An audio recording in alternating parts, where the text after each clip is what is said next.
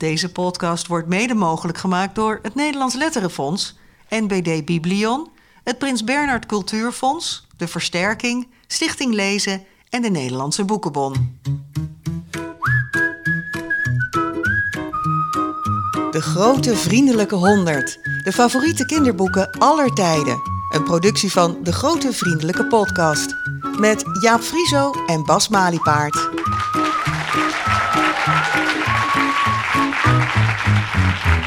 Dankjewel. Dank jullie wel. Het heerlijke avondje is gekomen, ja. Het is eindelijk daar. De grote vriendelijke pakjesavond 2022 vanuit Theater de Liefde in Haarlem. Laat je horen, mensen. Welkom allemaal, een afgeladen volle zaal. Geweldig dat jullie er allemaal zijn. Een jaar geleden zaten we hier ook, Ja. de grote vriendelijke pakjesavond van vorig jaar, eh, om de grote vriendelijke 100 voor de eerste keer toen te presenteren. En toen was het heel spannend hè, of het door kon gaan. Het was want echt eh, twee avonden voor de lockdown, Precies, volgens mij. echt. ja. eh, nou, Ja. Volgens mij zelfs de volgende dag gingen, Nou gingen we in lockdown met z'n allen. Dit jaar iets minder van die stress, gelukkig. Ja, ja de wel andere stress, is eh, eh, oh, oh, oh ja, of het weer leuk wordt. Ja, Eigenlijk. nou ja, het komt eh, toch nee, goed, we toch? gaan voor de tweede, tweede keer de, de Grootvriendelijke 100 hebben we gedaan dit jaar. En nou ja, het, het was spannend eigenlijk of het net zo'n succes zou zijn als de eerste keer. Valt daar al iets over te zeggen? Nou ja, het hangt natuurlijk een beetje van vanavond af. Hè. We moeten er nog een leuke avond van maken, maar dat gaat eh, vast goed komen. Eh, tot nu toe ging het als een speer. Er is weer volop gestemd. Vorig jaar leverden ongeveer 2500 mensen eh, een lijstje. veel. Ja, vonden we toen al heel veel. Ja. Een lijstje met vijf favoriete boeken in via hebban.nl, hè, met wie we het samen hebben or- georganiseerd. En dit jaar waren het er ruim 3000. Kijk, Zo ja. hè, ja. Dat is best veel hè Jaap? Ja, dat is echt wel veel. Want je moet je wel voorstellen dat mensen echt iets moeten doen. Hè? Dus ze moeten naar zo'n website gaan en in zo'n lijstje vijf favoriete boeken. Het is Er wordt hier al gelachen, want ze weten er alles van. Ja, nou ja, Eh, ja, jullie hebben dat allemaal gedaan, maar dat is toch echt wel. En je moet ook nog op de bevestigingslink klikken. Ja, dat, dat gaat moet ook, nog. overal goed. ja. Dus eh, nee, dat is heel fijn. Het is dus echt eh, ruim 3000 eh, keer gedaan. Dus Ja. hartstikke fijn. We hebben ook nog heel veel mensen gevraagd dit jaar. Dat was nu om een klein vriendelijk pleidooi voor een boek te houden. Dat is ook best veel. veel eh, Ja, zag je allemaal langskomen op eh, ja, Instagram dus en andere nu checken socials. of dat effect heeft gehad. En we kunnen alvast verklappen dat onze klein vriendelijk pleidooitjes wel succes hebben gehad. Zeker weten, ze staan er allebei in. Ja, ja precies. Ja, Zullen we nog even uitleggen waarom we deze grote vriendelijke 100... want Dat vragen mensen dan, hè? Waarom doen jullie die grote vriendelijke ja 100 dat nou, kan ik wel. Zal ik Ja, het doen? Ja. ja. Nou, ons belangrijkste doel staat hier is dat we luisteraars en lezers willen stimuleren om na te denken over wat hun favoriete kinderboeken zijn en daarover vooral ook met elkaar in gesprek te gaan. Hè? En dan met nadruk niet de beste, maar de favoriete kinderboeken. Hè? Dus Ja. het boek waar je vroeger van genoot of wat je pas recent hebt ontdekt, maar wat je meteen in je hart hebt gesloten. En vorig jaar leverde dat al een hele mooie lijst op. En dit jaar ook, kan ik alvast zeggen. Gaan we het voortaan ieder jaar doen eigenlijk? Nou, we hadden besloten om dat per jaar te gaan bekijken. Maar als ik zie hoe het nu gaat, dan lijkt me dat bijna onontkoombaar. Maar goed, we wilden in ieder geval deze jaar, dit jaar weer proberen. eh, sowieso om leuk, omdat je dan een lijst hebt waarmee je kunt vergelijken met, eh, met vorig jaar. Hè? Dus dat we de hele avond kunnen roepen met stip gestegen. En eh, de grootste daler, ook leuk. Oh, Dus, daar eh, verheug jij je heel erg op. hè? Op vind die ik rol van. DJ. ja, ik heb altijd wel ja. discjockey willen worden, dus Ja, dat, is, eh, dat is heel leuk om te doen. Zullen wij naar de lijst, de nieuwe, de nieuwe lijst Ja, gaan? vol verwachting klopt ons hart. Hè? Laten we dat maar doen. De Grote Vriendelijke 100, editie 2022 dus. Wat is er veranderd ten opzichte van vorig jaar? Een heel belangrijk ding. Er zijn 24 nieuwe boeken in de lijst gekomen. Ja. Het is bijna Ja. een kwart dus. Ja. Net, net niet een kwart, op één na. Ja, maar dat betekent dus ook dat er 24 boeken de lijst uit zijn gegaan. We vonden het wel gepast om die ook nog even uit te zwaaien. Ja. Gewoon met, Ja. nou, gewoon met alle respect Nou, met en. Ja, egaars. ja, ze hebben erin toch? gestaan een jaar lang. Hartstikke mooi, Precies. hartstikke bedankt. Om te beginnen zijn de kinderkaravaan in de Tillermans, die zijn verder getrokken.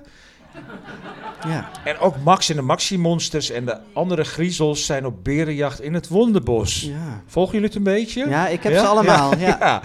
En ook Bolleke, Otje, Kruimeltje en Rupsje nooit genoeg zijn de wijde wereld weer in. Ja, ja. Ja. Oh. En de torens, Jaap, die staan weer doodgewoon in februari en niet meer op de lijst. En ook Kleine Sofie Lange Wapper, eh, de meisjes en Winnie de Pooh zijn op reis gegaan. Misschien wel op levende bezems naar Tule. Ja, ik heb hem. Ik heb hem. Ja. En uh, wij wilden heel graag meer Vlamingen in de lijst. Absoluut. En, nou, dat, dat is gelukt, maar daar heeft dan wel Nederland plaats voor moeten maken. Nou, heel sportief. Ja. Heel sportief van Nederland. Ja, ja absoluut. Uh, en het verlangen van de prins. Toch een beetje een dromer, die jongen. Hè?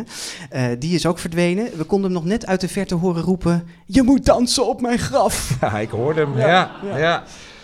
Maar ook Nachtverhaal en Dit is geen dagboek zijn weg. Ja. Maar ze zullen wel altijd in ons hart van inkt zitten. Ja, zo is het, ja. ja. Dus we zeggen eigenlijk gewoon bedankt en tot ziens. En we lezen graag nog eens hoe het met jullie gaat. Ja, dat ja. Is, uh, ja. bedankt uh, 24 boeken die erin hebben gestaan. Absoluut. En we gaan uh, vanavond bekendmaken welke 24 nieuwe boeken er Insta, valt er al iets algemeens te zeggen over de lijst die we vanavond presenteren? Nou ja, waar iedereen heel erg mee bezig is rondom de Grote Vriendelijke 100, merken wij, is uh, de verhouding tussen klassieke en relatief nieuwe boeken. Hè? De modernen hebben wij ja. ze even gedoopt. Dat hebben we weer goed gedaan, hè? Ja, het is ja. goed gegaan. En we hebben een grens getrokken bij het jaar 2000, gewoon even voor het gemak. Hè? Dus alles voor 2000 noemen we dan klassiek en alles na 2000 is modern. Om precies te zijn, zijn er 55 modernen in de lijst nu, uh, ten opzichte van 45 klassiekers. Ja. En vorig jaar was dat andersom. Toen waren er 42 nieuwe boeken en 58 klassiekere boeken. Hoe komt dat, denk je? Dat ja, het dus nu de modernen andersom? hebben, hebben een beetje De, de modernen ja. hebben gewonnen. Ja. ja. Nou ja, dat, dat is, blijft natuurlijk speculeren. Maar ik denk wel dat uh, vorig jaar heel veel mensen dachten toen ze dat lijstje voor de eerste keer invulden: van ik wil echt het boek wat ik vroeger helemaal favoriet voor mij was erin zetten. En dat ze nu dachten van ja, dat heb ik vorig jaar al gedaan. Ja. Dus uh, ja, nu, nu. nu kan er misschien wel een boek in wat ik dit jaar of de afgelopen jaren heel mooi vond. Dus dat zou, uh, zou kunnen. Dus, want het valt wel op dat er echt, nou, gewoon echt heel veel nieuwe boeken. Er staan dit jaar acht boeken in de lijst die in 2022 zijn verschenen. Ja, mooi dus, hè? uh, ja, en vorig jaar waren dat zeven uit 2000. 21. Ja, dus daar laat die trend zich eigenlijk ook meteen gelden. Ja, hè? Dat ja, er meer. meer worden. ja, ja, Ja. één meer. Ja, Jeetje, mooie nou, ongelooflijk. Ja.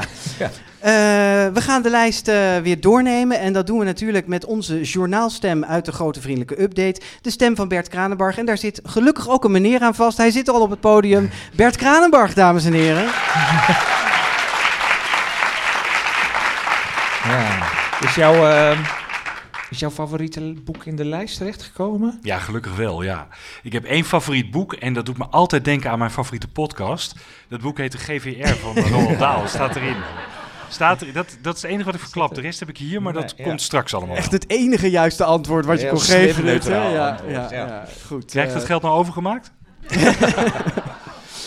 Hey Bert, je leidt ons eh, vanavond eh, door de grote vriendelijke 100 steeds weer in blokken van 20 eh, boeken. Dat hebben we vorig jaar ook zo gedaan en dat beviel. En daarna gaan Jaap en ik er hier even over een paar titels napraten. En dat doen we onder meer met Charlotte de Maton en Sanne Rozenboom. Laten we beginnen. Is iedereen er klaar voor hier in de zaal? Heel goed. Laten we beginnen. Wat zijn de onderste 20 titels van de lijst? De grote vriendelijke 100. De nummers 100 tot en met 81. Met op nummer 100 meteen de eerste van 15 Gouden Griffelwinnaars in de lijst. Zep van Gideon Samson is twee plaatsen gezakt, maar staat er nog net in. De eerste nieuwe binnenkomer in de top 100, dat is IJzerkop op 99 van de Vlaamse schrijver Jean-Claude van Rijkegem, met wie Jaap en Bas in mei een live aflevering maakten in Antwerpen. Een prentenboek zonder illustraties kan dat? Jazeker, en dat staat op 98, het boek zonder tekeningen van B.J. Novak. Ted van Lieshout komt binnen op 97 met zijn klassieker Gubber. En ook voor het eerst in de lijst en al de tweede Vlaming Bart Moejaard. Hij staat op 96 met zijn winterverhaal Morris, dat begin oktober verscheen. En dan de eerste van vier titels van Annem G. Schmid. Staat op 95, Wiplala en Wiplala weer. Is maar liefst 21 plekken gezakt. Egalus van Marije Tolman, het prentenboek van de kinderboekenweek van dit jaar, komt binnen op nummer 94. En eh, opmerkelijk, vorig jaar niet in de lijst, maar nu op 93. Alice in Wonderland van Lewis Carroll, het oudste boek uit deze top 100. Op 92 de grootste daler, Lennox en de Gouden Sikkel van Zinzi Zevenbergen. Dat boek duikelt van plek 34 naar 92 dus. De hekkensluiter van vorig jaar is nu gestegen naar 91. Het sprinterboek Monkey van Dieter Schubert, een van de drie gouden penseelwinnaars in de lijst. Alle verhalen van Kikker en Pat van Arnold Lobel is 33 plaatsen gedaald, maar staat er nog wel in op plek 90. En Floddertje van Annie M. G. Schmid vinden we op 89. Dan 88, de Groene Bloem-trilogie van Floortje Zwichtman, vorig jaar nog op 55. Robin, alle verhalen, de verzamelband met legendarische kleuterverhalen van Sjoerd Kuiper, die dit jaar verscheen en getipt werd in de GVP, komt binnen op 87. De klassieker Momo en de Tijdspaarders van Michael Ende kreeg volop aandacht in zomergasten dit jaar, maar is toch gezakt van 69 naar 86. Op 85 Spijt van Carrie Slee, waarvan onlangs een stripversie verscheen. En ook stabiel in deze lijst Koningskind van Selma Noord op 84. Op 83 komen we voor het eerst een boek van Roald Dahl tegen en er volgden nog vier. Uh, hier Daantje de wereldkampioen, 30 plaatsen gezakt. Nieuw op 82 en daar is uh, Bas heel blij mee, want hij hield daar een uh, klein vriendelijk pleidooi voor. Gefeliciteerd. Het prentenboek Ik praat als een rivier van Jordan Scott en Sidney Smith. En tot slot van dit eerste blok, blauwe plekken van Anke de Vries. De op één na grootste daler, vorig jaar nog op 43, nu dus op 81. Ja, nou niet te veel aantrekken van die dalers, want uh, ze staan er nog wel gewoon Ze mooi staan er gewoon ja, in. Daarom. Ja, precies. de, kop, uh, de kop is eraf en uh, behalve over Ik praat als een rivier, wat Bert al zei, is er nog één boek waarvan ik zeker weet dat jij er heel graag iets over wil zeggen. Omdat je, Oh ja? Nou, jij slaakte echt een vreugdekreetje toen je hoorde dat dat in de lijst stond. Het boek zonder tekeningen. Ik probeer nu ver, ver, verbazend te Ja. kijken van wat, wat bedoel je. Nee, maar ik weet dat we het hoera. daarover gaan hebben. Ja, zonder inderdaad. tekeningen van BJ Novak staat BJ erin. Novak, ja. ja, waarom was je daar zo blij om? Nou ja, omdat ik het een ontzettend leuk boek vind. Het is dus ook echt een prentenboek, maar dan zonder prenten. Er staat alleen tekst in. Het is eh, geschreven door de Amerikaanse comedian en acteur B.J. Novak. Hij is eh, onder andere bekend als eh, acteur in de Amerikaanse versie van The Office. En hij speelde ook naast Brad Pitt in eh, Quentin Tarantino's film Inglourious Basterds. Ehm, maar hier is hij natuurlijk helemaal niet bekend. En toch is dat boek hier ook een enorme hit geworden. Er zijn meer dan 20.000 exemplaren inmiddels van verkocht. Eh, het is een leuk verhaal hoe dat boek is ontstaan. Hij was op bezoek bij vrienden en daar kwam een peuterjochie op hem aflopen, het zoontje van die vrienden, met een boek. En die gaf het aan hem van, wil je dit voorlezen? En B.J. Novak, die dacht op dat moment, hé, hey, wat gebeurt hier? Hij, vraagt mij, hij uh, geeft mij eigenlijk een script en ik moet maar gewoon voorlezen wat daarin staat. Uh, omdat hij dat van mij vraagt. En toen bedacht hij, wat zou dan nu het favoriete script van dit jongetje zijn? Wat zou ik moeten voorlezen om hem echt aan het lachen te krijgen? Nou, dat zijn natuurlijk allemaal woorden die dat, jong, dat jongetje heel raar gaat vinden. Ja. Dat was zijn gedachtenkronkel. Wat voor woorden zijn dat? dan? Nou, en dat heeft hij dus in dat boek opgeschreven, het boek zonder tekeningen. Als je dat voorleest, dan moet je dus als voorlezer gaan zeggen blork en blurf en uh, mijn beste vriend is het nelpaard poepiekont en dat soort dingen. Nou, het is uh, gegarandeerd uh, hilariteit onder de kleuters aan wie je het Ja, voorleest. maar jij hebt het aan je kinderen voorgelezen. Zeker, en die, eh, absoluut. En er, staat ook geweld, er staat een geweldig filmpje van hem online ook. Dat zullen we even in de show notes delen. Waarin hij het aan een groep kleuters uh, voorleest in het Engels dan wel. Maar die gaan helemaal uit hun dak van, bij dit boek. Dus Ja. het is geweldig. Een geweldig prentenboek, Nou, zonder leuk- prenten. Leuk dat het in de lijst staat. Ja, en Ja. dan wilde jij nog wat over Kikker en Pad zeggen. Uh, Ja, ge- ge- ja. Gedaald dus, van Dat is wel 57 gedaald, naar ja, 90. Maar het is ook wel een bijzonder verhaal wat misschien niet iedereen weet. Die Arnold eh, Lobel die schreef dat eh, vanaf de jaren 70. Hartstikke leuke serie. Hè? Die Kikker en Pad. Twee vrienden met, met vrij eenvoudige verhalen, maar die van alles meemaken. En waar je soms wel een beetje dacht, wat zijn ze nou precies van elkaar? Nou ja, dat werd later duidelijk, want zijn dochter heeft in 2016 een interview. eh, hij is zelf al in 1987 overleden, maar zijn dochter heeft in 2016 een interview gegeven waarin ze onthulde dat haar vader in 1974 voor zijn familie uit de kast is gekomen als homoseksueel. En eh, dat eigenlijk toen wel duidelijk werd dat Kikker en Pat daar heel erg mee te maken had. En dat het eigenlijk voor hun vader een beetje een, eh, proces was in zijn eigen coming-out, waarin hij eh, dat heeft verwerkt. Nou ja, dan, dan kijk je toch wel een beetje anders naar die Kikker en Pat als je dat, eh, Ja. als je dat weet. En er zit Ja. ook wel iets tragisch in kikkers, Kikker en Pad. hè, Omdat ze gescheiden leven, maar ze verlangen ook wel naar elkaar. Ja, dus en past de vriendschap heel- is soms ook een beetje lastig. Ja, en, ja, dat is, Past eh, eigenlijk wel heel erg bij wat zijn levensverhaal Ja, was. wel mooi dat ze dat heeft gedeeld. ja. hey, en toen we de afgelopen weken met de lijst bezig waren, toen vielen ons soms ineens hele aparte dwarsverbanden op Ja, waar we niet op misschien hadden kunnen anders rekenen. opvallen, maar Nee, ons wel. precies. Ja. Niet zo voor de hand liggen. En zo zagen we tussen de boeken op 93, 82 en 16 een overeenkomst. En dan weten jullie natuurlijk meteen wat de overeenkomst is. Eh, stotteren, Stotteren? was de overeenkomst. Ja. Eh, het gaat om Alice in Wonderland, Ik praat als een rivier en het boek Dodo, het debuut van, van Mohana van den Kronenberg. En zij is onze eerste gast. Welkom, Mohana. Ja. Fijn. Dankjewel, Bas. Dankjewel, Jaap. Fijn dat ik er ben. Ja. En uh, jou, jouw eerste boek, dat gaan we alvast verklappen. We gaan sommige dingen vast verklappen die wat later in de lijst pas terugkomen. Want jouw boek Dodo, dat is de ene hoogste binnenkomer in de lijst op plek 16. Zo. Ja, ja.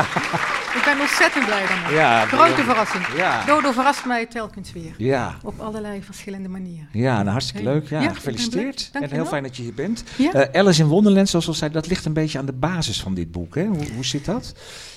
Ja, dat is inderdaad waar. Het, ehm, daar moet ik helemaal vooraan beginnen eigenlijk. Doe want maar. dan kom ik vanzelf bij, bij Alice uit. Ja. Ik heb een, een, eh, toen ik eh, op de kleuterschool was, was ik ontzettend bang. Ik was een heel angstig kind. En mijn moeder dacht, die, hoe moet dat op, op school? Ik vond de andere kinderen eng, ik vond de kleuters eng. En eh, mijn moeder bedacht, dan laten we haar naar een klas overslaan. En dan komt ze bij haar zus in de klas. En dat deden wij. En mijn zus sloeg haar arm om mij heen. En zij liep met mij rond. En als iemand mij aan eh, sprak, dan ehm, antwoordde mijn zus. En ehm, nou, dat ging dat jaar door. En aan het eind van het jaar ging mijn zus naar de lagere school. En ik bleef achter op het kleuters, staartmeisje. ja. En daar moest ik blijven. En dat was het moment dat ik stopte met praten Zo. omdat ik eh, alleen was en tussen die kinderen niet kon redden. En ik klampte mij aan de juf vast en ik liep, eh, volgde haar alleen maar. Als zij op de wc zat, ging ik voor de deur wachten. En ehm, nou, dat modderde dat jaar zo voort. Ik zei niets en toen ging ik naar de lagere school en daar eh, kon ik dat natuurlijk niet volhouden. Dus dan moest ik praten en dat lukte niet meer. En toen ging ik s- stotter. En, Daar ben je begonnen te stotteren. Dat begon toen. Ja. omdat je moest, ik kon niet meer zwijgen. Dat Nee. kon ik op de lagere school op school goed volhouden en op de middelbare eh, nee, op de kleuterschool volhouden, Ja, op de lagere school. school niet. En toen, ehm, toen dacht ik al, ik, ik, ik wilde een boek lezen eigenlijk. Ik zocht een boek over een kind dat was zoals eh, ik was, een kind dat stottert. Dat kon ik nauwelijks vinden. Ik vond er één, 1980 ongeveer, weten jullie welk? Nee? Eh Guus, Guus K- Kuijer, Een gat in de grens. Ah. Daar komt een stotteraar in Oké. voor. En ik, eh, maar dat was een bijrol en ik wilde een, een boek over een kind dat stottert, wat een held is. Ik wou een stoer kind dat toch stottert. Dat was een tegenstelling voor mij. Het moest sterk en stoer zijn. En ik wist al hoe dat boek moest heten. Dat moest Momo heten, omdat ehm, ik Momo genoemd werd als, ik, eh, als men vroeg hoe ik, hoe ik heette. Omdat je stotterde en Mohana dat- is je naam en dan werd dat exact, Momo. werd dat Momo. Ja, ja. Ja. En ehm, nou, to- toen, toen was er een echte Momo al, een hele, hele mooie Momo op de lijst. Hoe Momo en de tijdspaarders, ja. Dus dat viel toen ook al af en een boek schrijven lukt ook helemaal niet, want ik kon geen woorden vinden voor een kind dat niet spreekt. En eh, nou, dat ging heel lang door. En nou sta ik een heel stuk over toen ik, veel, toen ik al lang schreef en beeldhouwer was. En eh, toen ehm, eh, las ik ergens dat eh, de schrijver van Lew- Lewis Carroll, dat dat het pseudoniem van Charles Dodgen is. En dat hij sto- stotterde. En als hij Dodgen wilde zeggen, zei hij dodo. Ja. En dat vond ik, eh, als iemand stottert, vind ik dat al heel, heel dichtbij eigenlijk. En als hij dan ook nog van dat akelige gevoel zoiets moois maakt, dat hij een dodo in zijn boek schrijft. Hij is dat zelf, hè? Hij is zelf de Ja, de dat moeten we even uitleggen. hè. Dus eh, Lewis Carroll is de schrijver van Alice in Wonderland. Die heette dus Dodgen in zijn echte leven. Ja, Maar hij heeft in Alice in Wonderland een dodo opgevoerd. Ja. Omdat als hij zichzelf voorstelde, zei hij dodo. En precies. Hij wou Dodgen zeggen dat werd dodo. En om die reden heeft hij zichzelf in dat boek de rol gegeven van een dodo. ja, zijn En- alter ego. Zijn alter ego, Ja. precies. En ik vond dat een, een heel mooie vondst, dat hij van zoiets iets akeligs eigenlijk, eh, zoiets moois maakt. De dodo is door hem beroemd geworden. Hij is door hem het meest eh, ehm, eh, eh, beroemde uitgestorven dier. En toen dacht ik, mijn boek gaat geen Momo heten, het gaat Dodo heten. En ehm, toen moest ik dus een naam zoeken die begint met Do. En dat werd Do Dorian. Ja. En ik had een, een gelijk een ander iets heel prettigs, want ik wist niet hoe ik een kind dat niet spreekt. Ik, ik wilde eh, geen eh, gehakkel in mijn tekst, dus ik wilde dat kind niet. eh, ik wilde het woord stotteren niet gebruiken. Ik wou eigenlijk wou ik helemaal geheim houden waar mijn boek over ging. Ik wou ehm, een, een stoer boek schrijven, maar het ging dan wel over een kind dat stottert, maar dat moest tussen de regels moest ik dat proberen weg te stoppen ergens.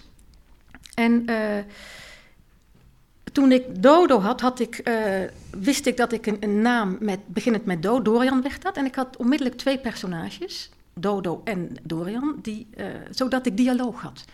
En ik, als ik Dorian alleen had gehouden, of, of Momo, dan zou ik een innerlijk monoloog Ja, dus schrijven. alleen En zijn gedachten kunnen Dan beschrijven. had ik, ja. precies, dan kon ik die, die, dat, dat, eh, zijn, zijn stem niet... eh, Ja.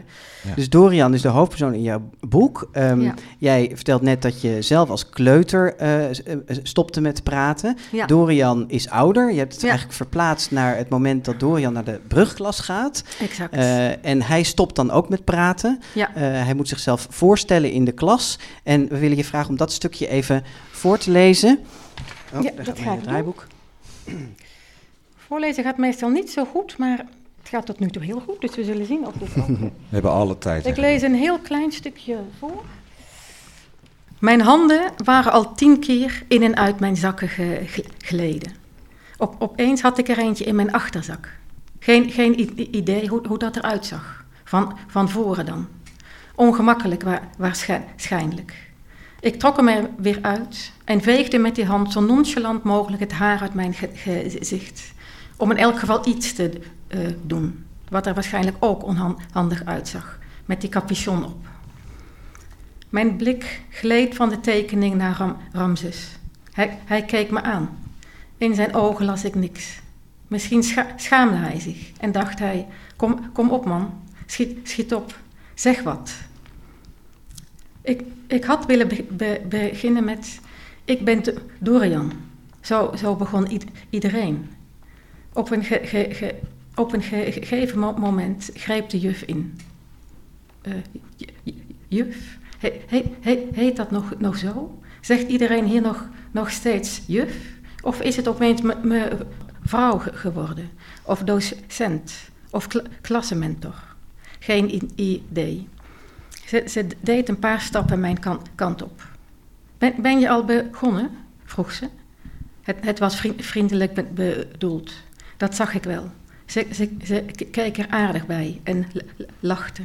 Maar ik vond er ni- ni- niks aan. Ik, ik was namelijk al, al lang be- begonnen. Ik was blijven steken in de i van, van ik. Toen, toen vroeg ze hoe, hoe, hoe ik heette.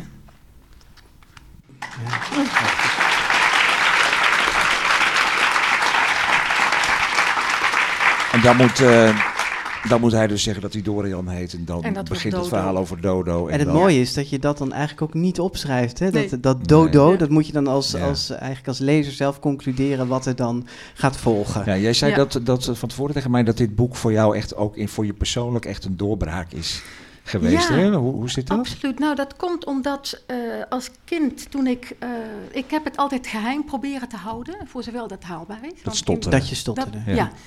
In de klas kan dat natuurlijk niet, maar buiten de eh, klas eh, kan dat wel. Dan probeer je eh er omheen een moeilijk woord, dan zeg je een ander woord. En ik had al honderdduizend keer in de snackbar gegeten wat ik wel kon zeggen, maar wat ik niet wilde eten. En ik had al eindeloos zat ik aan de, aan de ehm, eh, 7-Up in plaats van aan de cola, want de K was zo lastig. Ach, en, ja. en de telefoon nam ik nooit op. En als iemand belde voor mij, dan tegen mijn ouders zei ik niet, ik ben er niet, ik ben er Nee. niet. En dan zeiden ze soms, oh, maar Hanna belt straks terug. En dan moest ik daarheen fietsen, want ik kon niet terugbellen. En, ehm, Maar nu? Nu, heb je dit dat- boek geschreven. Nu heb ik dit boek geschreven. En nu zit je hier op een podium met ja, ons. ja dat, maar dat komt ook mede door dit boek. Omdat eh, ik heb tweemaal eerder voor dit boek gesproken voor een groep. Ik doe dat nooit. En ehm, ehm, het is eigenlijk, Dorian, het, het is wat er gebeurt als je stottert, wat veel mensen doen, denk ik. Je, je gaat, een, een, je gaat dat, dat verbergen, covered stuttering noemen ze dat. En dan ga je dat geheim houden, wat heel ingewikkeld is. Je maakt een nieuw probleem en dat overschaduwt het andere Ja. probleem eigenlijk. En dan, Dorian doet het ook, die maakt een geheim. En ik heb eigenlijk met dit boek dat bijna nog steeds gedaan, omdat ik dat woord niet wilde gebruiken. En ik wil dat, dat stotteren in de tekst niet. En het zit allemaal tussen de regels. Maar wat, eh, omdat het een kinderboek is, moet er een, een oplossing zijn. Er moet iets lichts zijn, maar ik wilde niet ehm, de oplossing dat hij niet meer stottert of zoiets dergelijks. Omdat dat eh, natuurlijk niet zomaar haalbaar is. Dus het... het ehm, Nou, wat, wat die oplossing is, dat ga je hier nu niet vertellen. Nee, Daarom nee, breek maar- ik je nu nee, even. maar er is een, een hele mooie eh, lichte oplossing die eigenlijk voor mij pas nu met het uitkomen van dit boek. Eh, het, het, het, zijn, zijn geheim lekt uit. Staat op de laatste regels van het ene laatste hoofdstuk. Mijn, mijn geheim is nu bij deze ook wel volledig uit. Ja, je bent echt uit de kast als, als, Ja. als stotteraar. Uit de kast als Ja. geen, geen, geen problemen. Ik vond het wel heel spannend, maar het is niet. Nee, maar het is Het is hartstikke goed ja. gegaan. Mohana van den Kronenberg. Ja, dankjewel. Ja, ja, En het, eh, straks wordt je naam nog genoemd als we bij eh, nummer 16 aan Ja. de lijst. Zo lang moet je nog wachten tot je... Ja, ja, precies. mooi is dat? En wat Ja. natuurlijk mooi is, eh, dat hebben we nu nog helemaal niet gezegd, maar eh, dat er in jouw boek ontzettend veel andere kinderboeken genoemd Ja. worden. Dus voor Ja. kinderboekenliefhebbers is het echt een hele leuke puzzel om uit te zoeken. Soms staat alleen de eerste zin van een boek erin, soms een titel, soms een schrijver. Eh, en Ik praat als een rivier Ja. komt in jouw boek weer voor. Ja, heel Dus eh, nou gaat dit geweldig dat je allemaal... hier eh, was, Dankjewel. Dank voor het luisteren. We gaan eh, zo naar de volgende 20 op de lijst, maar niet voordat we hebben geluisterd naar een reactie van Selma Noord op de notering van Koningskind voor het tweede jaar in de lijst. Heel stabiel. Eh, vorig jaar op 85 en nu op 84. Het boek is gebaseerd op eh, het Bijbelse verhaal over, van het Salomonsoordeel. En Selma Noord die reisde ook door Israël, de Palestijnse gebieden en Jordanië om onderzoek te doen naar dit boek. Fijn dat Koningskind in de grote vriendelijke top 100 staat. Het verhaal van koning Salomo, de twee vrouwen en het ene kind heeft mij altijd geboeid als jong meisje al. En het heeft altijd in mijn achterhoofd gezeten dat ik daar iets mee wilde doen. Ik denk dat je eh, na jaren van schrijven de vaardigheid hebt om een dergelijk verhaal uit te werken. En toen het moment daar was, wist ik ook dat ik er klaar voor was. Eh, ik ben natuurlijk op reis geweest om het boek te schrijven en eh, alles viel samen. En ik heb met ongelooflijk veel plezier aan dit verhaal gewerkt. En ik ben blij dat heel veel mensen het met zoveel plezier lezen. En, eh, en dat zij een eh, indruk hebben opgedaan van hoe het ook zou kunnen zijn gelopen. Een, eh, een heel mooi boek. En, Ja. eh, en de volgende 20 eh, zijn dat ook, Bert? De grote vriendelijke 100. De nummers 80 tot en met 61. Sanne Rosenboom is met het ministerie van Oplossingen 10 plaatsen gestegen naar nummer 80. Op 79 De Tuinen van Dor door eh, Paul Biegel, maar liefst 47 plaatsen gezakt. Het tegendeel van Zorgen van Benny Lindelauf staat op 78. Dit is de nieuwe omnibusuitgave van Negen Open Armen en De Hemel van Heivisch. Op 77 De Veger van Jonathan Oxier. Meestal ontploft hij van woede, maar misschien nu ook van blijdschap. Bob Popcorn van Marinka, Ri- eh, Maranka Rink en Martijn van der Linden komt binnen op 76. Tonke Dracht staat met vier boeken in de lijst, maar ze zijn allemaal een beetje gezakt. Geheimen van het Wilde Woud, vorig jaar 64, nu op 75. Dan weer een nieuwe binnenkomer op 74, de spannen- spannende young adult roman Patroon van Marco Kunst. En de Kinderen van Bolderburen van Astrid Lindgren staat op 73. Dat is een ruime 20 plekken lager dan vorig jaar. Nieuw op 72, Prutje van Pieter Kolwijk. We komen hem nog twee keer tegen. En daar is eh, Benny Lindelauf weer, hele verhalen voor een halve soldaat, gestegen van 80 naar 71. En op 70 staat Erna Sassen met Zonder Titel. En de eerste van vier noteringen voor J.K. Rowling vinden we op nummer 69, Harry Potter en de Vuurbeker. En wie een beetje kan rekenen weet dat 69 min 1 68 is. En daar vinden we Rekenen voor je leven van Edward van der Vendel en Jonica Smeets. Een van de twee non-fictietitels in de lijst. Krijg nou roest. De dappere ritster van Janneke Schotveld heeft zich maar liefst 26 plaatsen omhoog gevochten van 93 naar 67.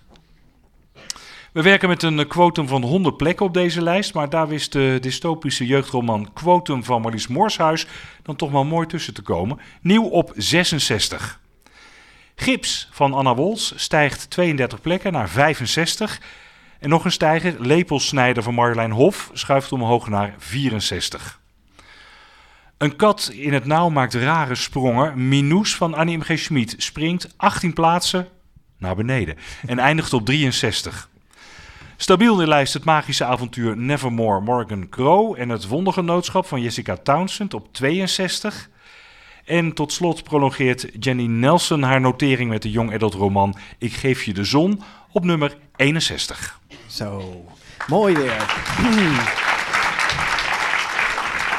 Ja, ik, ik zit weer in de zaal te kijken en het is weer enig om, eh, om te zien. Er zitten mensen mee te schrijven. Ja, er, te er worden klappen of vuisten gebald van yes, het staat erin. Het is me gelukt weer. Ja, en ik zag iemand op de voorste rij ook een klein beetje hoera, hoera roepen bij eh, nummer 72, namelijk de schrijver van het boek. Prut- Prutje, Pieter Koolwijk.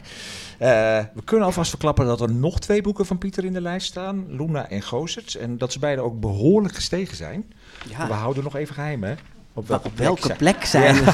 Ja. Ja, ja. Maar wat niet meer geheim is, is dat er volgend jaar een derde en laatste deel komt eh, van die reeks. En eh, Pieter maakte onlangs de titel bekend, Missie Afbreken. En Ja, hij ik zei staat- missie afblazen tegen hem, maar ik zat even verkeerd. Het is Ja, missie afbreken. Ja, Ja, en ja. hij staat hier nu voor de... De grote vriendelijke première. Ja, dat is eh, onze rubriek hè, aan het eind van de update dit Ja. jaar voor het eerst. En die bevalt ons erg goed. Daarin eh, laten we een boek in première gaan. Dus we hebben Pieter gevraagd: wil jij missie afbreken in première laten gaan tijdens onze pakjesavond? En dat wilde die. Pieter Koolwijk.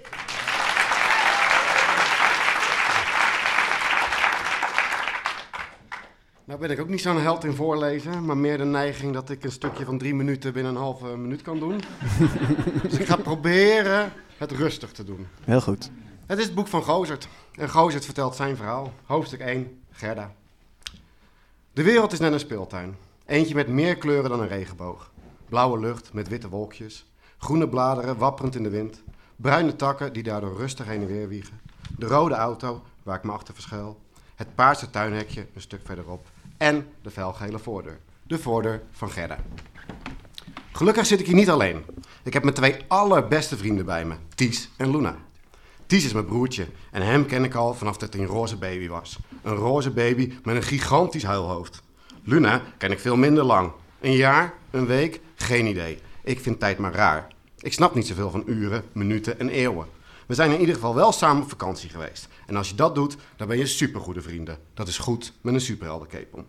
Zie je, zegt Ties, dat huis ziet er verdacht uit. De hele straat staat vol met hoge huizen. Sommige zijn tegen elkaar aangebouwd, andere weer niet.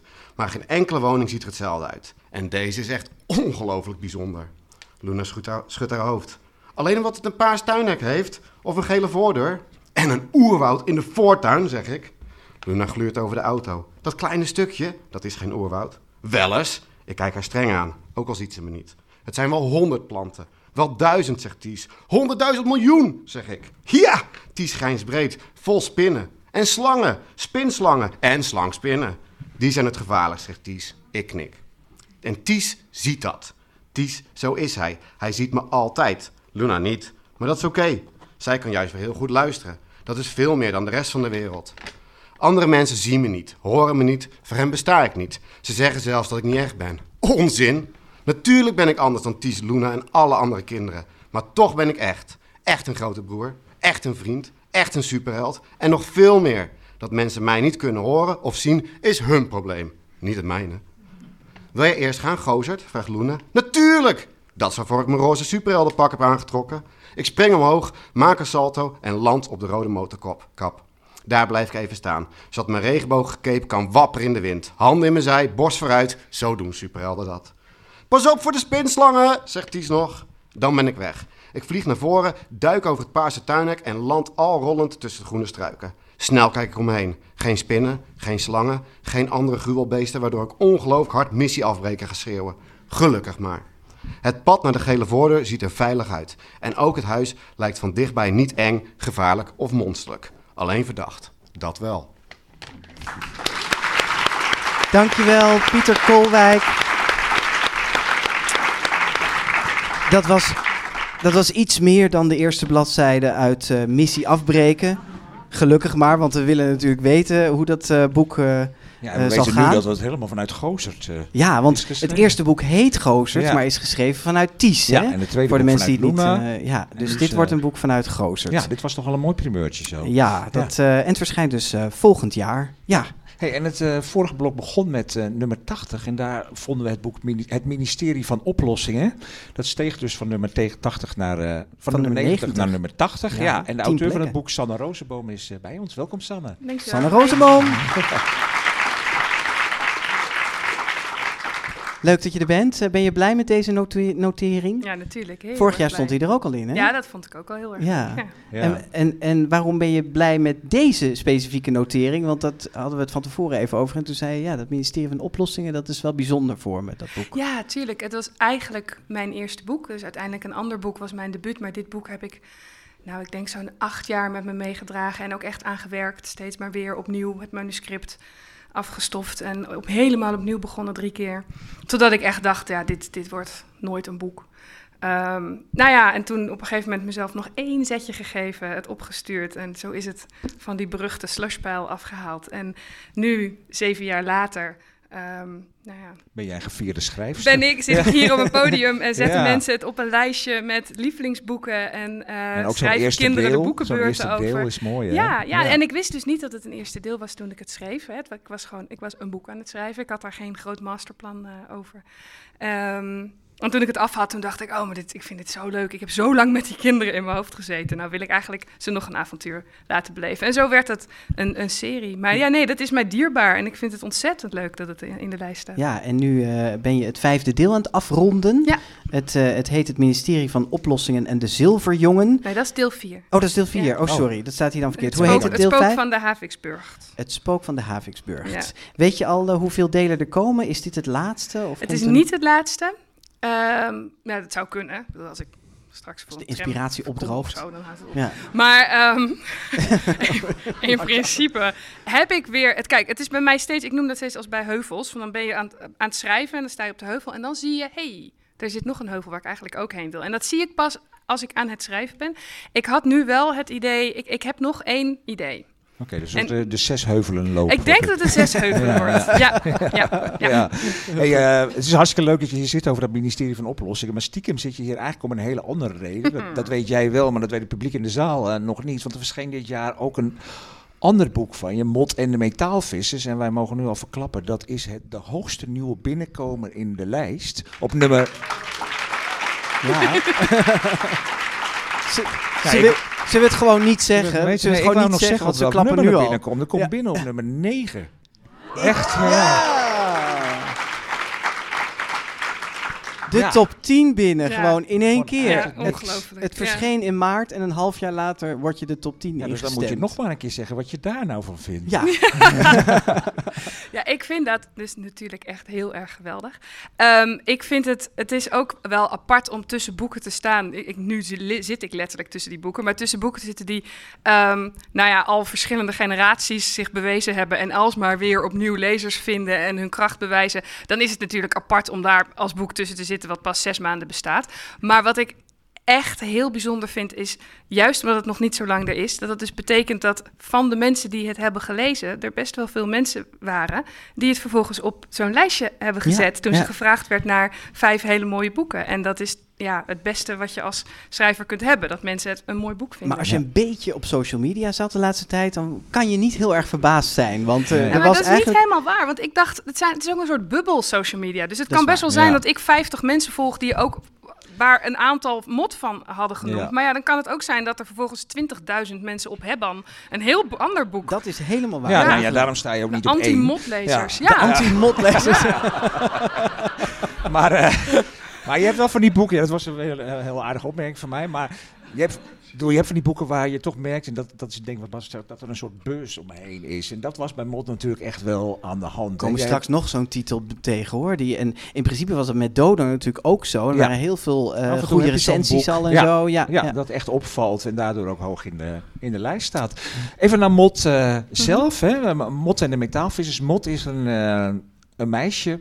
Ja. Eh, het is moeilijk samen te vatten, maar zij gaat... Ze heet eigenlijk Vlinder. Laten we daar eens Ja, beginnen. zij heet Ja. Vlinder. Ja, zij heeft Ja. een, een moeder die niet onbelangrijk is in het boek. Die een heel ander ideaal heeft. En vooral een ander schoonheidsideaal eh, dan zij. Dus Mot kun je eigenlijk wel zeggen is een beetje roestig Ja. meisje. En, en, en, eh, Ze houdt vooral van zwarte kleren. En waarin kom jij hier vandaag op het Ja, podium precies. zitten? Het is een wat mollig meisje in zwarte kleren. Er is geen enkel autobiografisch element in te vinden. Nee. Ja, nee, dat is wel een beetje. Dat is trouwens ook, moest ik net aan denken toen eh Mohanna het had over eh, dat, je, dat je jezelf wil herkennen in een boek of dat je iets zoekt. Ik vond het dus ook heel leuk om haar een beetje mollig te maken, want dat was ik als meisje ook altijd. En ik wilde dat niet dat dat het thema was. Het moest Nee. op geen enkele manier gaan over een mollig meisje dat een avontuur beleeft. Dus het zit er heel subtiel in en het is subtiel zo getekend, maar dat was wel Heel belangrijk goed, ik ben heel erg voor meer mollige personages. Ja. Ja. Nou, maar haar moeder die houdt heel erg van kleurrijke kleding en zo. En Ja, Mot, heel modieus. eh, Vlinder noemt zichzelf Mot Ja. en die wil alleen maar in zwarte kleren Ja. lopen. En eh, nou, gewoon Ja, in dat. praktische kleren, geen hakken, geen make-up. Precies, En, en Mot gaat dus metaal vissen. Ik Ja. wist eigenlijk niet dat dat bestond, maar dat bestaat echt. Ja, hè? zeker. Wat Ja, is ja. het? Wat is het metaalvissen? Nou, ik, ehm, ik heb gekozen voor metaalvissen. In de, in de echte wereld wordt het meestal magneetvissen genoemd. Want je, je vist met een magneet, maar Mot maakt de keuze, je vist op metaal. Dus ze noemt het metaalvissen. Logischer. Ja. Maar het is met een, een magneet, er zijn heel veel verschillende sterktes. Je kunt een enorme magneet hebben en dan kun je echt brandkasten omhoog halen. Eh, je kunt een wat kleinere magneet hebben. Ja, het- en die haalt gewoon dat wat onder water ligt eh, en wat van metaal is. Dat reageert erop en dat haal je boven water. En er staan dus echt mensen in Nederland langs kanalen en rivieren Ja, en ik had zelf niet door hoeveel. Want sinds ik over dit boek vertel in de klas, kom ik echt, nou, ik zou ongeveer durven zeggen, in elke klas gaat er een vinger omhoog. Bijna altijd van een jongetje die heeft ge, eh, magneet gevist met een oom. Dat is op een of andere manier de combi. Het zijn Ja. altijd de ooms. Ja? Interessant. Ja, Ooms doen dit.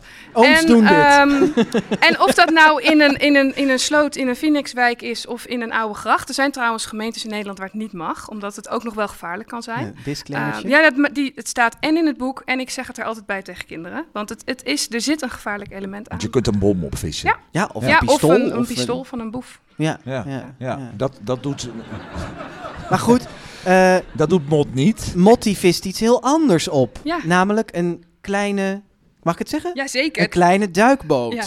Eh, gaan we nu al naar het voorlezen? Ja, dat is leuk Ik ben om even een stukje kwijt. voor te lezen waarin zij... Dat eindigt eigenlijk met dat we dat nog niet weten, maar dat zij die duikboot... Oh, dus ik eh, heb nu een spoiler gegeven voor Ja. het voorlezen. het, Ja, het jammer. staat op, op de kaft en in de allereerste zin van het boek. Oh, dus ik vind het niet waar. erg als Nou, spoiler. We gaan een klein stukje luisteren naar Sander Rozenboom... die voorleest uit Mot en de metaalvissers. Mot trok de magneet van de pijp en legde die voorzichtig op de grond. Hij was dun en er zat een kromming in. Nee, dit was geen regenpijp, maar wat dan wel? Misschien is het een afvoerpijp van een aanrecht, zei Vincent. Een heel klein aanrecht. Of het iets, is iets wat inbrekers gebruiken, zei Mot. Volgens het boekje van Rosie gooien boeven vaak hun spullen in het kanaal. Zouden ze er iemand mee hebben geslagen? vroeg Vincent. In stilte keken ze naar Mot, Mots vondst. Nee, zei Mot toen. Het is gewoon een stukje pijp. Misschien van een auto, weten wij veel wat er allemaal in een motor zit. Vincent wees op de buis en daarna op de lamp en de halve tang. En als je het niet naar Rosie brengt, wat ga je er dan mee doen? Tentoonstellen in de tuin, zei Mot. Mijn moeder is daar vaak met klanten om te laten zien hoe ze zo mooi mogelijk over het grindpad kunnen lopen.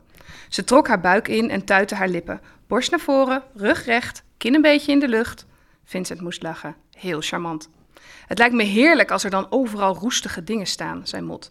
Dat ze hun sierlijke loopje houden tussen de koplampen en fietswielen. Eigenlijk wil ik het liefst het hele huis vol zetten. Zoiets zei je al bij Rosie. Die zei dat je je moeder wil pesten. Mot haalde haar schouders op. Ik wil haar laten zien dat niet alles altijd hoeft te glanzen of netjes en perfect hoeft te zijn. Ze raapte haar hengel van de grond. Vincent moest zich niet bemoeien met haar schatten. En ook niet met haar moeder. Jij snapt dat niet. Jij hebt ouders die je geld geven. Ik heb een moeder die bang is dat het slecht is voor haar reputatie als haar klanten me zien. Ze gooide haar magneet het water in. Je weet helemaal niks van mijn ouw, begon Vincent. Toen vielen ze allebei stil. Want vanuit het water, vanaf de bodem van het kanaal, klonk een geluid. Geen zachte tik van een sleutel, geen tak van een koplamp of een pijp, maar een hard, metalig geluid. Het metalige geluid van een magneet die op iets heel groots was, ge- was gebotst. Nou, wat zou dat Wat zou dat nou zijn? Ja. Nou, wat, wat niet onvermeld mag blijven, dat zijn de illustraties van Ja, Sophie zijn Pluimen. Ja, En die zijn helemaal in roestkleur eigenlijk gemaakt, het Ja. hele boek door. Ja. Hey, nog één vraag hierover. Je hebt het ministerie van Oplossing, heb je heel veel boeken geschreven inmiddels, vijf dus. Mhm. Ehm, en toen kwam dit er opeens tussendoor. Mhm. Had je het gevoel dat je hier uit een ander vaatje tapte of dat dit iets anders was dan eh, de ministerieboeken? Of valt het voor jou eigenlijk heel logisch in elkaar allemaal? Ehm, nou, op zich, als je aan een boek werkt, zit je daar helemaal in en is het hetzelfde vaatje waar je uit tapt. Ehm, namelijk je fantasie en, en de karakters die ontstaan en het verhaal dat ontstaat. Ehm, het was voor mij wel zo dat als door het ministerie, je beperkt jezelf ook een beetje als je een serie schrijft eigenlijk. Hè? Want je hebt, ehm, ik kan niet zomaar een magisch element toevoegen. Ik kan ook niet zomaar twintig nieuwe hoofdpersonen bedenken. Ehm, en ik wilde heel graag weer gewoon even helemaal terug in mijn fantasie, helemaal weer naar de basis van een verhaal bedenken. Ik wilde die vrijheid weer. Ehm, dus ik wilde gewoon echt iets anders. Het is ook een Eh, stuk dikker geworden. Het is ook een stuk dikker geworden. Ja, ja en het is. Ehm, en het zijn inderdaad gewoon, het is net niet onze wereld. Het zit er net naast. Het is net niet onze tijd. En het zijn allemaal nieuwe hoofdpersonen. En, en daar had ik gewoon echt zin in. Ja, en het is echt een eigenstandig boek. Er komt geen mod 2. Zeker niet. Nee, zoals Nee. ik zei met die heuveltjes. eh, Dit is. Dit, hier is kwam klaar. geen. Ja, dit is Deze gewoon berg rond. heb je beklommen. Ja. Want dit is wel een berg, hè? Zo dik is die. Ja, Ja, ja, ja. ja. Nou, Goed, eh, eh, hartstikke leuk om er te even over horen en gehoord heel te hebben. gefeliciteerd met die prachtige negende Nou, plek eh, geweldig, in die lijst. Hè, waar ik zo heel graag van wilde roepen van de hoogste nieuw binnenkomen. Nou, dat ben- jij. Jee. Ja. Sanne Rozenboom.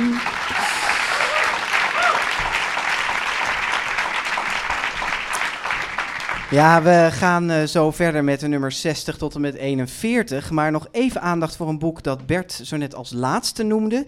Ik geef je de zon van Jandy Nelson op plek 61. Net iets lager dan vorig jaar.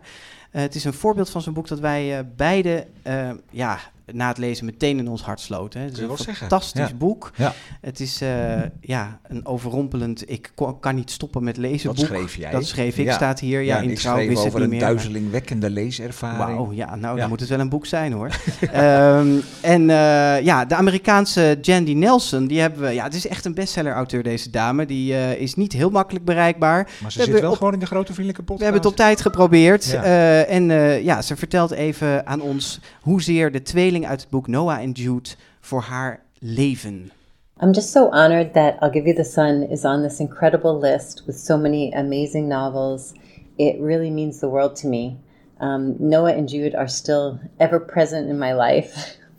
I wrote the novel in complete darkness. Very strange, and I don't even know why I did this. I, I haven't done it since or before. Um, the only light in the room came from the computer screen, and on top of that, I was wearing earphones and had a sound machine blasting. And I basically stayed like that five years in the dark, writing the story. I wrote their stories separately, Jude's first and then Noah. And only after I had their stories written did I start braiding them together. Um, but I feel like somehow writing in the dark like that created such an intimacy between me and the characters that I thought they were alive. Um, and it's kind of still like that with Noah and Jude for me. And that's really why it just means the world that they're on this incredible list. And I thank you for that. Ja, Jenny Nelson. Eh, ja, ja, dat mag wel even. Ja. Jij, zegt, jij zegt, jij zegt echt zo heel zacht, ja, Jandy Jenny Nelson, ja, die Ja, is er maar ook nog de even in. Jenny Nelson. Maar we gaan wel even internationaal nu, Ja, hè? Het is een big ook- friendly podcast, dit. eh, ja, ja. ja. Het wel echt, eh, we hebben geleerd dat als je een internationale bestseller wil schrijven, moet je dat in het donker doen. Ja, dat in het wel donker, eh, helemaal in voor donker, met- Nederlandse auteurs. Ja, er komt trouwens een nieuw boek van haar, dat verschijnt volgend jaar. Ik weet niet of het dan meteen in Nederlandse vertaling is, maar dat wordt zeker en vast ook eh, vertaald in het, eh, in het Ik Nederlands. denk het ook, ja. Ja. We gaan naar de volgende 20 en daarmee zagen we de lijst alweer doormidden. De grote vriendelijke 100. De nummers 60 tot en met 41. Op plek 60 het tweede non-fictieboek De Zweetvoetenman van Annette Huizing, waarin je alles leest over het recht. Harry Potter en de geheime kamer van J.K. Rowling duikelt van 26 naar 59. En op 58 100 uur nacht van Anna Woltz. Op 57 de langste baard uit de jeugdliteratuur, die van koning Manzolijn uit het sleutelkruid van Paul Biegel, vorig jaar nog op 19. Heksenkind van Monica Furlong staat dit jaar op 56. En de eerste van twee poëziebundels komen we tegen op 55. Wat je moet doen als je over een nijlpaard struikelt van Edward van der Vendel staat weer in de lijst. Nummer 54, Geef me de ruimte van Thea Beckman. Op 53 Spinder van Simon van der Geest, 12 plaatsen gestegen. En daar is eh, Jaap dan weer blij mee, want het stond voor het tweede jaar in zijn persoonlijke top 5. Goed gedaan. Ik ben Krik, Krik ben ik van Hanna Kraan is 16 plaatsen gezakt, maar staat er wel opnieuw in op 52. Vorig jaar was haar neef Jens Kraan nog te gast hier tijdens de pakjesavond. Nieuw op 51 het avontuurlijke debuut van Kevin Hassing, Mus en kapitein Kwaadbaard en de Vijf Slangen. En al drie jaar onafgebroken in de bestsellers 60, maar in deze lijst toch 20 plekken gezakt. Het populaire cadeauboek De Jongen, de Mol, de Vos en het Paard van Charlie Mackesy. Dan zijn we over de helft. Op 49 opnieuw Roald Dahl, dit keer De Heksen, vorig jaar nog op 28. En ook gedaald Torenhoog en Mijlenbreed van Tonke Dracht staat op 48. Het huisnummer van Villa Kakelbond is niet langer 23, maar nu 47. Daar vinden we Pippi Langkous van Astrid Lindgren. En op 46 Harry Potter en de gevangenen van Azkaban van J.K. Rowling, 22 plaatsen gezakt. De Gorgels dan van Jochem Meijer, die hebben zich redelijk gehandhaafd. Vorig jaar op 37, nu vinden we ze op 45. Op 44 weer een nieuwe binnenkomer, Dwars Co van Rico Hop. Het boek werd dit jaar genomineerd voor de Kinderjuryprijs en won de Hotse de Roosprijs. Nog steeds de langste titel van de lijst en bijna op dezelfde plek geëindigd. Op 43 het printenboek over een kleine mol. Uh, nee, dat klopt Ja, toch niet wat mol? er staat? Ja, over een kleine Oh. mol. Nee, er staat over een kleine die mol wil weten. Oh nee, dat klopt niet. Toch? ja. Over een kleine mol die wil weten wie er op zijn kop gepoept heeft. Van Werner Holzwarth. Dat is hem, hè? Ja, zie je wel. Ik weet er wel iets van. Alaska van Anna Woltz heeft een flinke sprong gemaakt van 72 naar 42. En met de notering van de poëziebloemlezing Heel de wereld wordt wakker... staan er in één klap heel veel kinderdichters op de lijst. Dit boek, samengesteld door Jaap Robbe, verscheen dit najaar en komt nieuw binnen op 41. Ja, nou.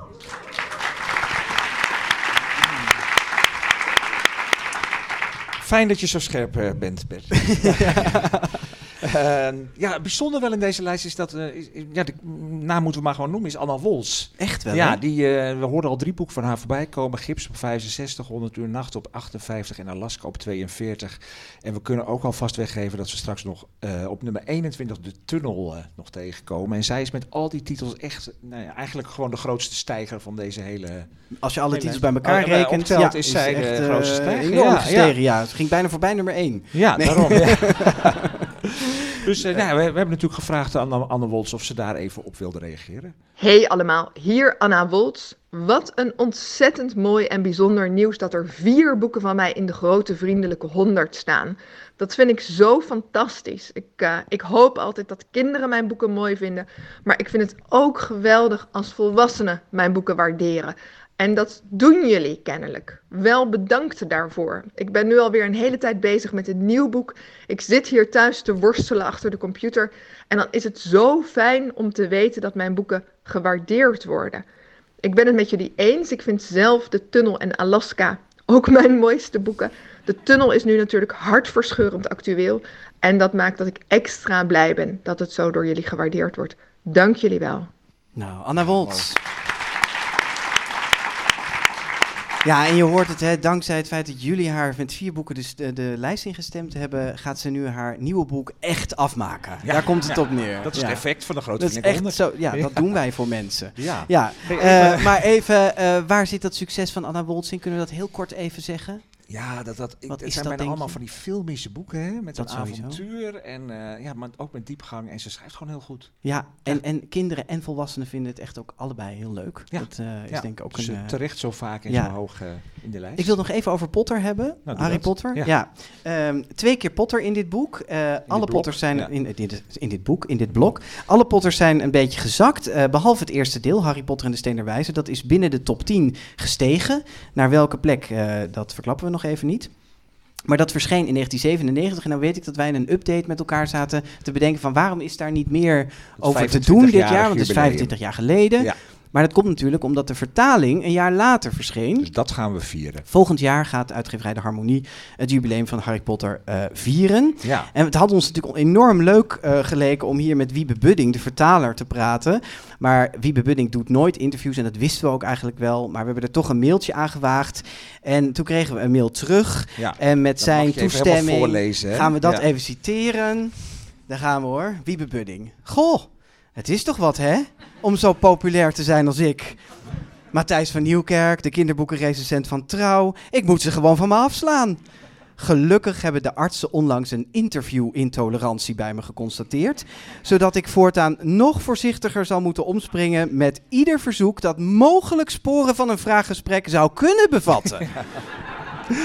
Wiebe Budding. Nou ja, als die net...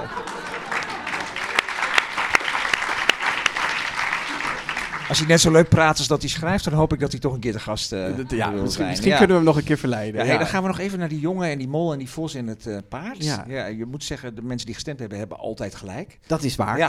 Nee. Het is gewoon een heel goed boek. Ja, nou Ja. ja. Nou, favoriet hè? Het favoriet. Het is een niet de beste heel- boeken. Het is een favoriet Het is boek. vooral heel goed eh, verkocht ook. Hè? Dat er zijn in totaal al 600.000 exemplaren van dit boek verkocht. In Nederland alleen hè? In Nederland alleen. Het staat al twee jaar onafgebroken in top bestseller top 60. En dat gaat voorlopig ook niet even, even niet veranderen. Want gisteren verscheen er een nieuwe editie van het boek. Dat is helemaal gebaseerd op de animatieserie die binnenkort op de BBC en op Apple TV eh, te zien is. Ja, maar wat Dus, is het nou eigenlijk, dat boek voor wie het niet kent? Nou ja, het is een boek met zwart-wit illustraties en ecoline. En er staan allemaal tekstjes bij. ehm, ja. Ik had, ik hebben altijd niet al te veel laten doorschemeren wat ik van het boek vind. Maar dat lukt geloof ik niet helemaal.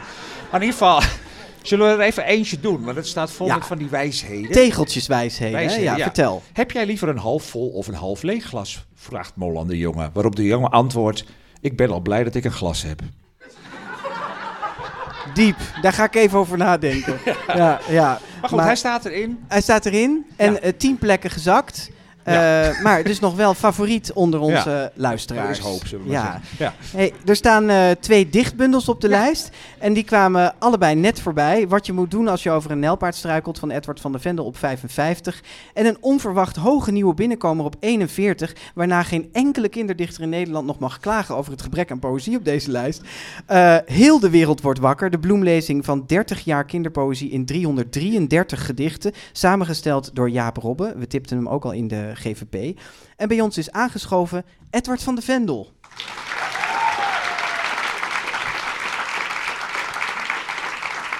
Daar is hij weer, zou ik haast willen zeggen. Ja, Daar ja, is hij weer. weg te Ja. slaan. denken, ja. jij hebt gelukkig geen interview-intolerantie. Dat ga ik misschien ontwikkelen nu. Ja, Ja. nou, doe ook- maar niet. Ja, hij, eh, jij staat met jouw nijlpaard eh, opnieuw in de lijst. Hè. Die is drie plekken geklommen, maar je staat ook met liefst elf gedichten in deze bloemlezing eh, van Jaap Robbe. Eh, die, die plek moet je dan wel delen met meer dan honderd andere dichters. ja. Eh, doet deze twee noteringen een beetje recht aan de poëzie in Nederland?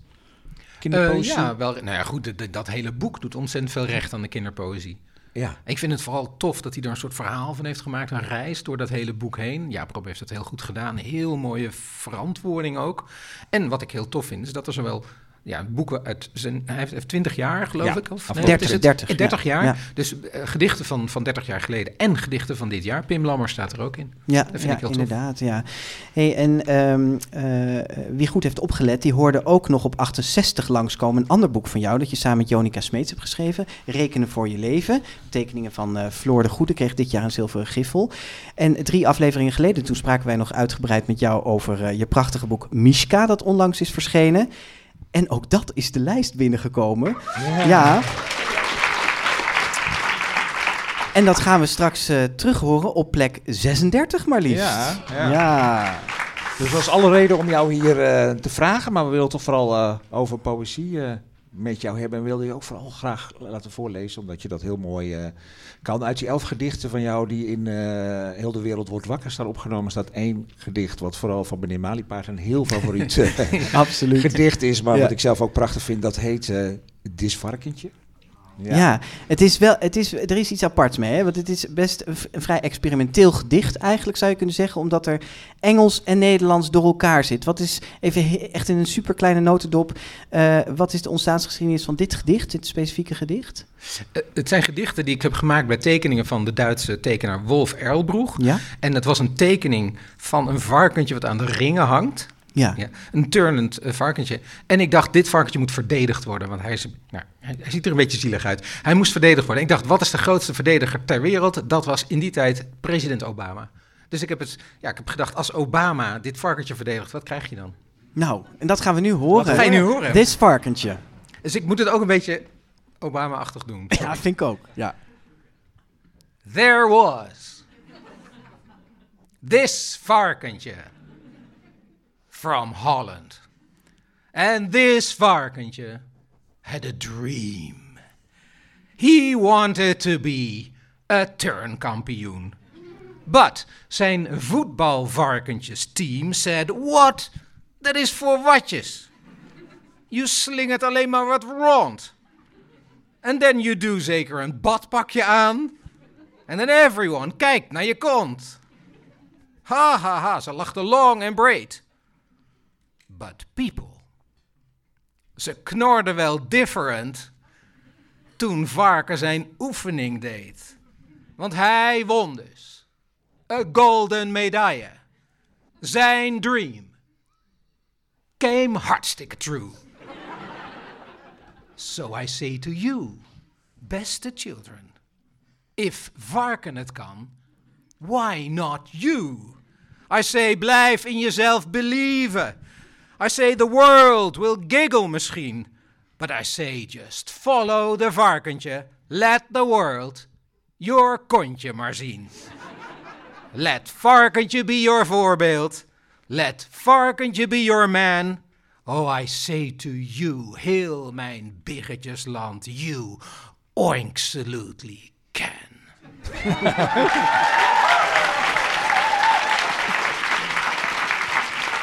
Ja, we hadden gezegd dat hij kon voorlezen. Ja, nou, Dit komt uit de bundel eh, Ik juich voor jou met allemaal gedichten over, eh, over sport. Ja. Dieren die aan sport doen, ja. Ja, en aan het applaus te horen is iedereen het er wel mee eens dat dit een favoriet moet zijn, dit gedicht, Ja, toch? Ja, ja, ja. precies. Nou ja, en dan eh, in, in die bundel staat ook van, van Jaap Robben staat ook nog weer een gedicht uit wat je moet doen. Ja, dit is echt de, de crossover aflevering Ja, dit, hè? Eh, uit wat je moet doen eh, als je over een nijlpaard struikelt. En eh, net hebben we heel hard gelachen en nu gaan we misschien wel een traantje wegpinken. Hoe heet dit gedicht? En wat je moet doen als je moeder huilt. Ja. Ga naast haar zitten, tegen haar aangeschoven. Je armen van onder tot boven dicht op die van haar. Laat het praten maar aan vaders over, aan vriendinnen en aan zussen. En je hoeft de tranen ook niet van haar wangen af te kussen. Je hoeft niets te begrijpen, niets te vragen. Je hoeft haar alleen maar te schragen. Schragen, dat betekent steunen, met je lichaam dus.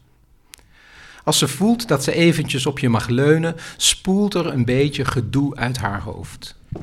Hoe? Dat doet er niet toe. Iets met draagkrachtverschuiving en onverwachte aandachtshydrauliek. Maar de precieze mechaniek maakt jou en je moeder natuurlijk niets uit. Je zit huid aan huid en je merkt na een fijne, zachte tijd dat het werkt. Mama giet eindelijk geen verdriet meer op de dingen. En buiten begint de zon Griekse liedjes te zingen. Ja. Wat je moet doen als je moeder huilt. En dat heeft eh, als ondertitel gedichten waar je wat aan hebt. Nou, me dunkt, hier heb je wat aan. Ja, zeker, ja, ja. Hey, jij eh, eh, vertelde ons dat je met een nieuwe bundel bezig bent. En je Ja. hebt nog even niet verklapt, volgens mij voor de hele grote wereld, eh, hoe die gaat Nee, heten. want dat heb ik voor- Bewaard. Ik moest wachten van jullie, ja, toch nu? ja, ja. ja. Ja, Zo'n 16 Ja. Instagram-post klaar, maar ja. je mocht er niet uit. Nou, heel de wereld wordt dan nu wakker, want eh, jij gaat vertellen hoe die bundel gaat heten. Ja, dus eh, wat je moet doen als je over een nijlpaard struikelt, is met Martijn van der Linden. Ja. En samen hebben we een nieuwe bundel gemaakt. Eh, dat wil zeggen, ik ben al klaar. Martijn moet nog, eh, nog tekenen en die is twee keer zo dik. Oh ja. Ja, Wauw. ja, 50 gedichten. En ehm, daarin hebben we een onderzoek gedaan naar het geluk. Dus eh, de bundel heet Gelukkig en Blij.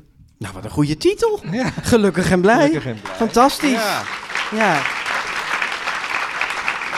En die titel, die titel moeten we dus ook meteen als het thema eigenlijk wel opvatten van deze bundel. Ja, het is een beetje ingewikkeld uitleggen, maar de, de gedichten spelen op een boerderij. Een klein boerderijtje waar een aantal dieren zijn. En eigenlijk heb ik alle eh, gedachten over geluk in de, in de mond van de dieren gelegd. Hmm. Ah, Dus soms eh, zegt het varken wat, soms eh, Ja. de ezeltjes en soms... eh, Maar dan snap ik ook de voorkant, want die zag ik al. En daar staan allemaal klopt, dieren de dieren uit, uit het boek in. Ja, Ja. die heeft Martijn al wel getekend. Ja, nou dan doen we nog, als je er met jouw toestemming, die heb je eigenlijk al gegeven, een, kle- een kleine, grote, vriendelijke première. Hè? Ja, Want, ja, ja, ja, leuk. We laten de jingle niet weer horen, Nee. maar eh, dit is ook een soort gro- grote vriendelijke première. ja. Namelijk een gedicht uit Gelukkig en Blij. Ja, en in Gelukkig en Blij staat een reeks. En er staat een reeks in over de twee katten. En die heten Hannes en Hassan.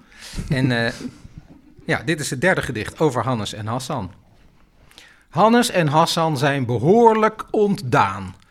Er is een kat bij de buren. En die komt er dus aan.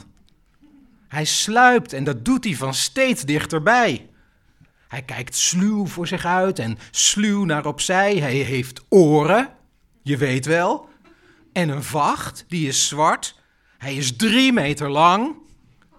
En, en hij jammert heel hard. Of nee, hij, hij is stil. Zo stil als een muis. Dat is dubbel zo eng. Want hij komt naar het huis. En Hassan en Hannes zien hem daar komen. Oh, ze zitten nu samen gezellig te dromen. Ja, die kat komt iets jatten. Wat komt die kat stelen? De kabouter? Twee ezeltjes? Kan ons het wat schelen, grijnzen Hannes en Hassan, want ze vinden het geinig. Ze delen een vijand en ze delen zo weinig. Dus dit is belangrijk. Dit verstevigt hun band. Ze staren blij uit het raam vanaf de veilige kant. Op het erf staat dat luipaard. Hij neemt een hap uit de schuur. Hij koudt op het varken, dat duurt wel een uur. Maar dan ziet hij Hannes en Hassan en schrikt. Omdat Hannes bestraffend op het vensterglas tikt. En Hassan roept streng: Wij zijn hier het langst. Het monster verstart, doet een plasje van angst en valt uiteindelijk flauw. De boerderij is gered. Daarna komt de trekker en dan wordt hij geplet. Hannes en Hassan zijn de held van de dag. En dat niemand die kat van de buren ooit zag, dat klopt. Hij bestaat, om precies te zijn, helemaal niet. Want ze hebben een hamster en die hamster heet Piet. Geweldig. Ja, het is echt een, een prachtige première. Ja, Ja. prachtige première. Dankjewel Edward van de Vendel. De bundel Gelukkig en Blij ligt eh, volgend jaar mei in de winkel. En wij kunnen alvast niet wachten. Dankjewel. Dankjewel. En, Ja, en- eh, Oh, ga jij? Ja, ik ga, ik ga. Ja, hoor, ik ga. Eh, die, eh, die notering van Rekenen voor je leven, die bracht ons op een idee. Eh, van onze sponsor, de Nederlandse Boekenbon, mogen we maar liefst eh, 10 boekenbonnen van 20 euro weggeven aan onze luisteraars. En wil je kans maken, mail dan voor 5 december, dus de echte pakjesavond, aan info.degrotevriendelijkepodcast.nl jouw antwoord op de volgende rekenvraag. Mag ik die stellen? Ja, jij mag hem stellen. Ja, en jullie kunnen in de zaal natuurlijk ook meedoen. Moet je weer luisteren, dan ben je ook luisteraar en dan mag je meedoen. Ze zijn hier Eh, ook al luisteraars, toch? Wat zeg je? Ze zijn hier ook al Ja, luisteraars. ze zijn hier ook al Ja. luisteraars, ja. Eh, het is meteen een leuk weetje. Er staan zes vrouwen met elk vier boeken in de lijst. En als je de posities waarop die boeken in de lijst staan bij elkaar optelt, welk getal komt daar dan uit? Dus zes vrouwen met vier boeken in de lijst, al die no- noteringen waar die boeken op staan, dus dat zijn 24 Ja, boeken, optellen, En dan, krijg je een getal, en dat moet je mailen. dat mail je aan ons. Ja, met je adres er ook meteen bij. Ja, hè? en dan gaan we Ionica Smeets laten nakijken of dat klopt. Ja, lijkt me heel goed. Ja. Want jij zei net in de kleedkamer, ik heb het zelf nog niet eens opgeteld. Nee, is een heel hoog getal. Heel ja, hoog getal, ja, denk ik. Ja. Goed, dat is de prijsvraag. Dus eh, wil je kans maken op die boekenbon, doe mee. En we gaan bijna naar de volgende 20, maar we hebben nog één boodschap van een schrijver uit dit blok. Hij is stemacteur, maar sinds twee jaar ook kinderboekenschrijver met behoorlijk succes. Kevin Hassing. Ha- Kevin Hassing. Hij won eh, dit jaar de kinderjuryprijs met Mus en kapitein Kwaadbaard en de koers naar de Kraken. En dat is het tweede deel over het meisje Mus. Maar in de Grote Vriendelijke 100, jullie hoorden het al, vinden we het eerste boek over haar. Mus en kapitein Kwaadbaard en de vijf slangen op plek 51. Ik ben ontzettend blij dat mijn debuut, Mus en kapitein Kwaadbaard en de Vijf Slangen, op nummer 51 in de GVP 100 meest favoriete kinderboeken terecht is gekomen. Ik vind het echt fantastisch en een eer.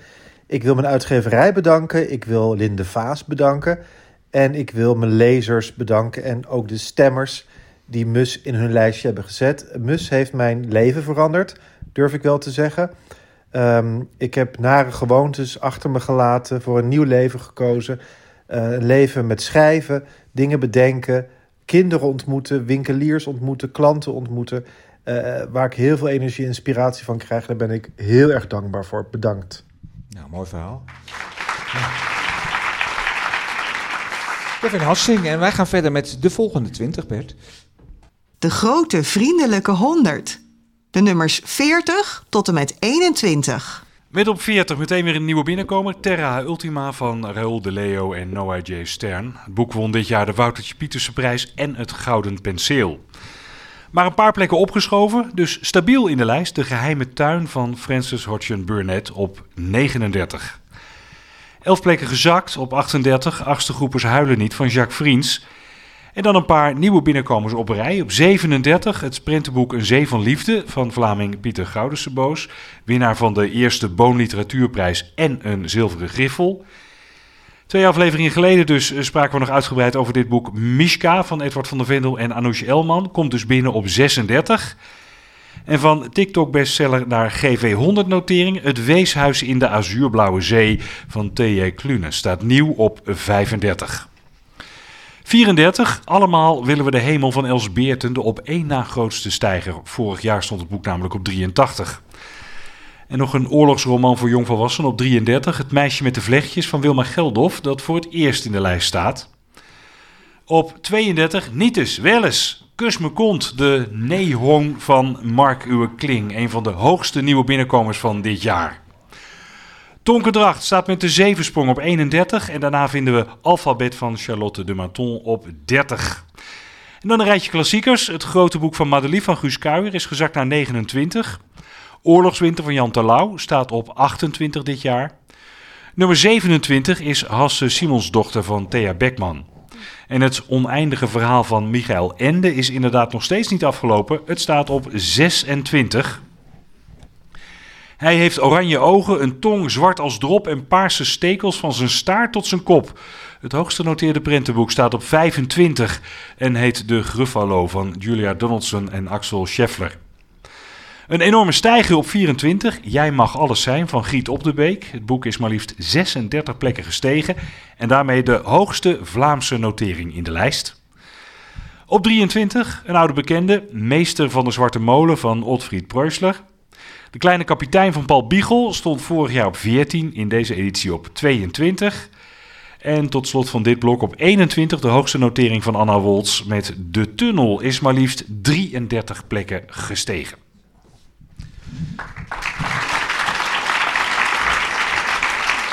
Ja, en de, die Paul Biegel, we hoorden net de hoogste van zijn uh, drie noteringen. De Kleine Kapitein, hij is wel met veel titels een beetje gezakt en Nachtverhaal is eruit. Maar hij staat er toch maar mooi nog een uh, flink aantal Gelukkig maar. Ja. ja, en de gast met wie we zo meteen gaan praten werkt hard aan de nieuwe tekeningen voor de Rode Prinses, dat in mei gaat verschijnen. Nou, volgens mij nog niet in mei. Maar nee? nee. Oh. In mei oh, nee, gaat een ander boek verschijnen. Ja, ja. Nee, dat, ik las die zin niet goed. Want in mei verschijnt op vele verzoek... Jij bent nog hard aan het werk aan die tekeningen. Ja, ja op vele verzoek de zeven veren van de papegaai... met nieuwe illustraties van Linde Vaas. Ook weer een nieuwtje. Er komen veel nieuwtjes vanavond voorbij. Ja, ja.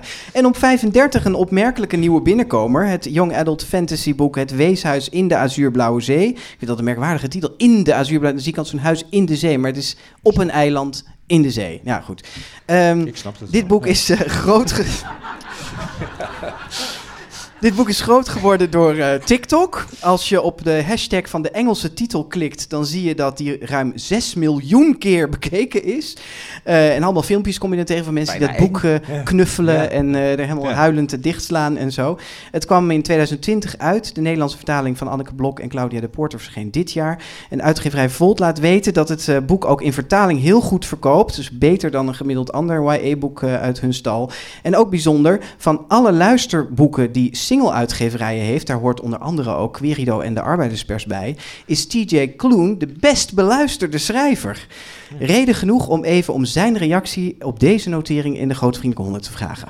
Hello, this is TJ Kloon, and I am sitting here looking at this email that tells me that the house in the Cerulean Sea is going to be on the list of the top 100 children's books in the Netherlands. And that is just absolutely insane to me. Absolute number 35. What the heck? Thank you, thank you, thank you to all of my Dutch readers who have loved these characters as much as I do, and I am so honored to be part of this. I can't, I can't even believe this is a thing. I can't believe this is real. Thank you so much, and I am so honored. My Dutch readership, I have seen you, I have heard you, I know that you love these characters, and I love you. Thanks so much for this honor. Ja, zo bedankt Amerikanen. Hè? Ja, geweldig hè? Ja. What the heck? What the What heck. the heck? I love Ja. you so much. Nou, bij jou ook, TJ Kloen. Ja. En eh, dan de oudste boeken op de lijst. We Ja. hoorden aan het begin al eh, Alice in Wonderland uit eh, 1865. Oud En- al, hè? Ja. Ja, en net kwam nog De Geheime Tuin uit 1911 voorbij. En we gaan zo in het volgende blok nog zo'n oud boek tegenkomen. Daar gaan we nu alvast op de pra- over praten. Alleen op de wereld van Hector Malot uit 1878. Het verhaal over Vondelingen Remy. Die wordt verkocht aan de reizende muzikant Vitalis. Vorig jaar op 17 en dit jaar op 18. Super stabiel, hè, eigenlijk. Ja, geweldig. En om over dat boek te praten is bij ons aangeschoven illustratrice Charlotte de Maton.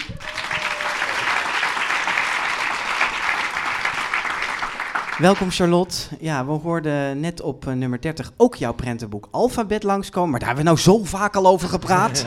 hè? Dat gaan we niet meer doen. Nee, maar goed. eh, ook voor het tweede jaar in de lijst trouwens, hè, dat boek. eh. maar je bent hier omdat je een paar jaar geleden de hervertelling van Alleen op de Wereld door Tini Fischer hebt geïllustreerd. En toen ook de hele route die Remy in het boek aflegt, door jouw geboorteland Frankrijk bent nagereisd. Wat een fantastisch verhaal vonden wij dat. Dus daar wilden we nog even eh, over praten. Maar om te beginnen, je bent dus opgegroeid in Frankrijk. Weet jij nog wanneer je kennis maakte met Sans Famille, zoals het boek daar heette? Nee, dat weet ik niet meer. Ik weet alleen dat ik het las en dacht, gadverdamme, nooit meer. En zoveel jaar later zit je dan bij ons om er nog eens over te praten. Hoe is dat toch gegaan? Maar waarom eigenlijk? Nou, niks dan ellende. Ja, En het leven is al zo ingewikkeld. ja. En in Frankrijk was het wel, eh, de sfeer is wel een beetje... eh, Maar vond je het geen mooi boek? Nee. Nee? Nee, nee, nou ja, ik vond het wel een heel mooi boek, omdat je alsmaar droevig bent. En, en dan gaat er weer een dood en dan denk je, komt nog geen eind. Ah, nee, en dan kan nog meer. Ja, dat was Ja. echt een goed idee om hierover te gaan Ja, praten. is echt, echt, eh, het voorgesprek ging heel anders. ja, ja. Nee, eh, maar Charlotte, eh, je zei net even van ja, de sfeer is wel een beetje. eh, Ja, maak dat eens af. Onze jeugd, hier slaan ze de kinderen bijvoorbeeld niet, bij ons wel. In Frankrijk in jouw Ja. jeugd deden ze dat nog, ja, kinderen maar, slaan. Maar, maar mijn broer en ik niet, omdat mijn moeder de meester had verteld, als u dat doet, sla ik u. Ja, dat is een hele goeie. Ja. Ja. Ja, Maar dat is wel een beetje die sfeer van de doffe Ja. ellende, de armoede en zo, die Ja. jij ook kent uit jouw jeugd. Ja. Al ben jij niet uit, eh, wanneer was dat eh, Nee, boek ook weer verschenen? net niet, 1911, eh, 18, 18 zoveel. Ehm, goed, maar eh, ik, we zouden het heel leuk vinden om even te horen hoe jij dat boek dan tot je genomen hebt in het Frans. Frans, het ligt ja. hier naast je. En Zonder dat je dan Gadverdamme daarbij denkt. Ja, Nee, nee, nee, gewoon ja, even ja. met vuur voorlezen, de eerste alinea of zo, hè, hebben we afgesproken. 1. Au village. Je suis un enfant trouvé. Mais jusqu'à 8 ans, j'ai cru que, comme tous les autres enfants, j'avais une mère. Car lorsque je pleurais, il y avait une femme qui me serrait si doucement dans ses bras, en me berçant, que mes larmes s'arrêtaient de couler. Jamais je ne me couchais dans mon lit sans qu'une femme vînt m'embrasser. Et quand le vent de décembre collait la neige contre les vitres blanchies, elle me prenait les pieds entre ses mains et elle restait à me réchauffer et en me chantant une chanson dont je trouve encore dans ma mémoire l'air et quelques paroles.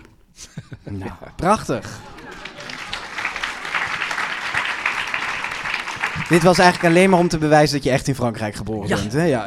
Ik zal even in Nederlands het stukje doen. Remy was een vondeling. Dat had hij lange tijd niet geweten. Tot zijn achtste jaar wist hij niet beter dan dat moeder Barbarin zijn moeder was. En Barbarin hebben we net niet in die Franse tekst Nee, gehoord. nee, hè? Dus dat is wel weer grappig. ja. Ehm, als hij huilde, nam, hij- nam ze hem altijd troostend in haar armen. En nooit ging hij naar bed zonder een nachtzoen.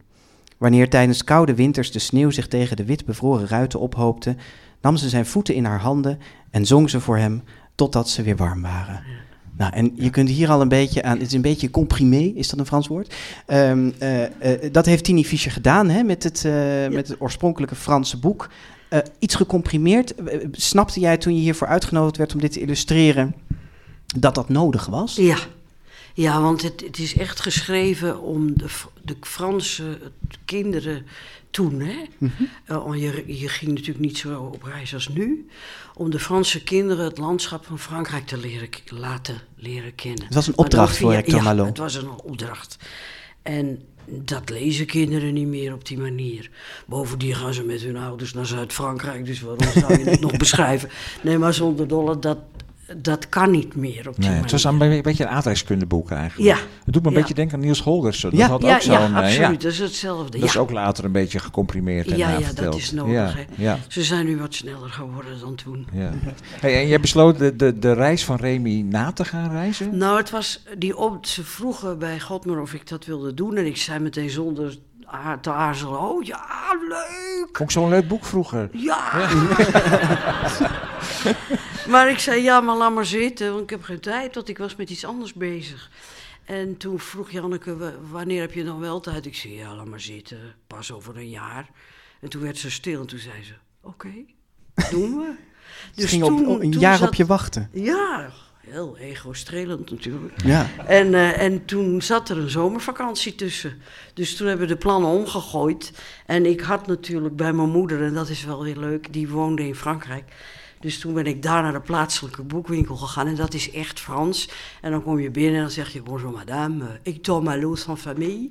En ze draait zich zo om en ze zegt: Bien sûr. En dan komt hij. Dat is deze. Geweldig. die Dus, ben ik ze hadden het meteen op de plank staan. Ja, maar dat is Frans, hè. Die, die cultuur, dat hoort. Ook al is het een slap boekie, maar je hebt hem. Ja, en- En, eh, wij wonen in een eh, onbeduidend stadje en zo, dus, dus dat is dan nog bijzonderder. Ze dragen hun klassiekers in, eh, in Frankrijk. Maar je, Ja. je bent toen die, die reis gaan na- Dus je hebt dat boek op schoot genomen, stel ik Ja. me zo voor. En dan gewoon gekeken van welke plaatsen komt die allemaal langs. Ja. En daar gaan we ook heen. Ja, en wat is je tijdens die reis opgevallen? Nou, dat Fransen anders denken over wat er al is dan Nederlanders. Hè. Hier is je schuur lek, dan sloop je hem, zet je een nieuwe. Mhm. Maar die Fransen denken, ah, dat is nog een goede schuur. Ik zet er eentje naast. dus een groot deel van die reis die hij beschrijft, die kon ik zo zien. Dat Dus bestond hij- allemaal gewoon nog. Ja. Ja. Dus bijvoorbeeld, eh, hij, ze, gaan, ze hebben een heel deel aan de onderkant van Parijs. Dus dat is buiten de periferiek. Ja, dat is weg. Dat zijn flatgebouwen. Dus daar zijn we ook niet naartoe gegaan, want dat had geen nut. Mhm. Maar als je naar het zuiden van Frankrijk gaat, dan heb je bijvoorbeeld het Canal du Midi. Dat is een ander soort kanaal dan hier. Hè, want die Fransen denken zo, dus die kanalen zijn ook zo. En, In eh, bochtjes doe je, even voor de luisteraar, ja. Zitten sluizen in en zo. Maar dat is dat kanaal van toen. Dat is niet veranderd. Dat perspectief is niet veranderd. En de, hoe het eruit ziet, is dat ook een dorpje bij. Zijn ook heen gegaan. En daar beschrijven ze in het boekje dat daar allemaal, dat alles van steen is. En dat die mensen dan torentjes aan hun huis bouwen. Dus misschien was dat wel dat ze elkaar de loef gingen afsteken met die torentjes. Dat weet Ik ik, heb, ik heb niet. drie torentjes. Jij hebt, ja, Ja, dan zou- doe ik ja. er vier en zo. Met, ah, nou ja, dat. En eh, die zijn er nog. Geweldig. Dus die dat was gewoon precies hetzelfde. En, en hoe heb je dan die reis en, en omgezet in illustraties? Ben je toen al gaan schetsen of is dat later allemaal... eh, Nou, dat is, ik denk dat we dat allemaal hebben als je tekent. Als ik iets zie, dan zie ik eigenlijk iets anders dan wat er eigenlijk is. Ja, niet echt. hè. Ik bedoel, ik, denk, ik zie niet een vrachtauto als het een trein is, maar ik bedoel. ja, er zit iets bijzonders wat je Ja. triggert. En als ik dan heel snel dat even uitschets, dan kan ik dat gevoel onthouden. En voor de rest zijn er natuurlijk duizenden kleine details die, als je thuis bent, denk je, verdorie, hoe zat dat nou? ja, maar je tekent een gevoel even. Ja, ja. en dan, dan maak ik daar zo'n zo'n lullig fotootje van. En dan gaan we weer verder. En dan weliswaar waren er landschappen waarvan ik dacht... oh, hup, auto in de berm tekenen. Ja, Ja, en dat. al die landschapjes en stadsgezichtjes, die zijn eigenlijk aan de bovenkant van de hoofdstukken gekomen in een soort van tableautjes. Hè? Ja. En dan heb je tussendoor pagina vullende illustraties gemaakt die vaak een soort, ja, eigenlijk het treurige van het boek benadrukken. Ja. En dan zijn er nog strooillustraties door Ja. het boek heen. Ja. En wat, dat, dat is echt een doordachte opzet. Ja, dat want dat ik, ik dacht, eh Tini Fischer had natuurlijk de opdracht erom... om het voor het Nederlandse kind eetbaar te maken, dit, Ja. of leesbaar. En ik dacht, toen heeft ze er dus al die beschrijvingen uitgehaald, groot gelijk. Alleen toen dacht ik, wat jij eruit haalt, teken ik er weer in. Ja, heel mooi, ja. Ja, ja. Zo zit het er toch weer in, ja. Hey, dan tot slot nog even over de, de cover van dit boek. Als jij dit even laat zien, eh Bas. Ja, moet ik hem wel even je. vinden? Oh ja, hier, ja. Want op bijna alle internationale uitgaven, ik heb ook zo'n prachtig oude editie thuis. Daar zie je Remy en Vitalis samen op de, op de voorkant. Maar je hebt het heel anders eh, gedaan. Ja, Wat want heb jij het getekend? heet eh, Sans Famille. Ja. En het heet ook Alleen op de Wereld. Ja. Dus dan ga je daar niet nog iemand anders op zetten.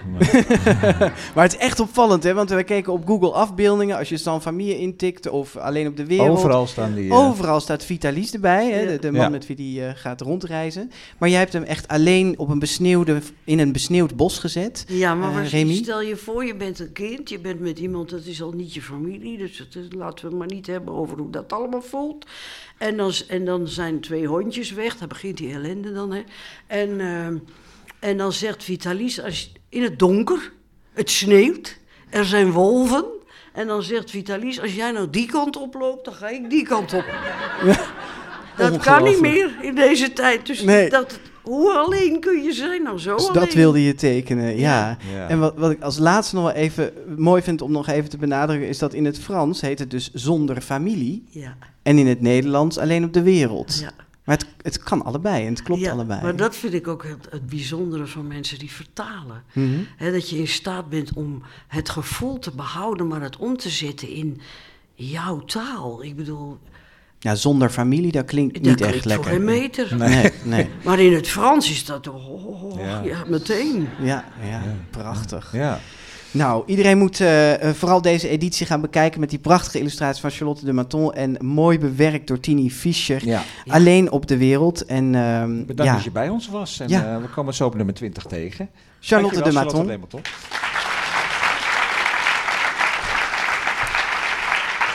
We staan eh, nog even stil bij de hoogst vertaalde nieuwe binnenkomen. Dat is Nijnhoorn.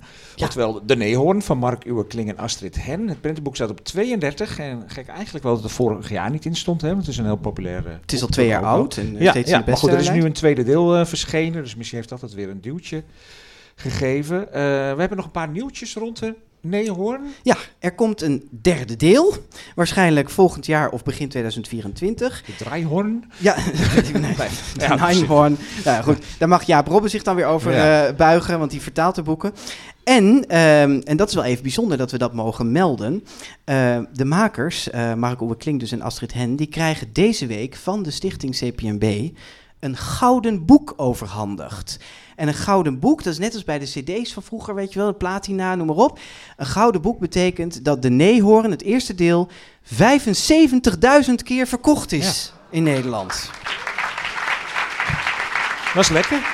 Ja, nou ja, we vroegen Mark Oerkling eh, ja, niet een, eh, om een reactie op dat gouden boek, maar wel op zijn notering in de grote vriendelijke We zijn lekker internationaal vandaag, hè? Komt-ie. Hallo. Ich mache ja verschiedenste Sachen, um mir die Zeit zu vertreiben. Musik, Filme, Romane, Spiele, Comics. Aber wenn ich mich für eine Sache entscheiden müsste, dann ganz sicher dafür, Kinderbücher zu schreiben. Da hat man einfach das netteste Publikum und die nettesten Kritiker. In diesem Sinne, herzlichen Dank für diese tolle Platzierung. Das Neinhorn hat von Anfang an unsere kühnsten Erwartungen übertroffen und es galoppiert einfach immer weiter. Und das wäre unmöglich gewesen ohne die tollen Zeichnungen von Astrid Henn, der ich an dieser Stelle auch nochmal danken möchte. Viele Grüße in die Niederlande. Ja, Viele Mark Oewe Kling. En eh, voor wie het Duits niet zoals wij machtig zijn, zal ik het nog even toelichten wat hij zei. Hij zegt dat er veel dingen zijn om je tijd mee te verdrijven. eh, of voor, voor hem dan in elk geval, eh, zoals films, muziek en romans maken. Maar als hij moet kiezen, dan gaat hij toch echt voor kinderboeken schrijven. Omdat hij dan het aardigste publiek heeft en de netteste critica. Die vond ik ook wel mooi. Heb ik mezelf wel even aangetrokken. De aardigste recensenten. Eh, de Neehoorn heeft al zijn verwachtingen overtroffen en galoppeert steeds maar door. En mede dankzij de tekeningen van Astrid Hen, die hij bij deze ook nog eens extra bedankt. Ja, en dan gaan we door met het laatste loodje van de lijst. We tellen af tot en met nummer 4. En voor het publiek in de zaal trouwens, let heel even heel goed op wie er op nummer 20 staat. De grote vriendelijke 100. De nummers 20 tot en met 4. Op 20, Sjaki en de chocoladefabriek van Roald Dahl. Met stip gestegen van 53 naar 19, Luna van Pieter Kolwijk. Een van de stabielste titels in de lijst, daar is hij Alleen op de Wereld van Hector Malot op plaats 18. En ook opnieuw een stevige notering voor Kinderen van Moeder Aarde van Thea Beckman op nummer 17. Ik kan het nog twee keer zeggen. Nieuw binnengekomen, het was al verklapt. Dodo, het debuut van Mohanna van den Kronenberg op 16. Oei, oei, oei, ze is op haar bezemstil de top 10 uitgevlogen. Hier is de boze heks van Hanna Kraan, staat nu op 15. Plek 14 is voor Ronja de Roversdochter van Astrid Lindgren. En Briefjes voor Pellen van Marlies Slegers is een indrukwekkende 22 plaatsen gestegen naar nummer 13. Vorig jaar was ze de enige met twee noteringen in de top 10, maar nu zijn ze be- allebei eh, er net buiten gevallen. Twee boeken van Astrid Lindgren. De Gebroeders Leeuwenhart gaat van 6 naar 12. Op 11 een grote vriendelijke notering voor de GVR van Roald Dahl. En dan gaan we naar de top 10. Daarin staan drie boeken die er vorig jaar nog niet in stonden. Koning van Katoren van Jan Terlouw, gezakt van 5 naar 10. Het is al gezegd, maar toch, ik mag het zeggen Jaap, met superstip. De klapper van het jaar op nummer 9. De hoogste nieuwe binnenkomer, Mot en de metaalvissers van Sanne Rozenboom.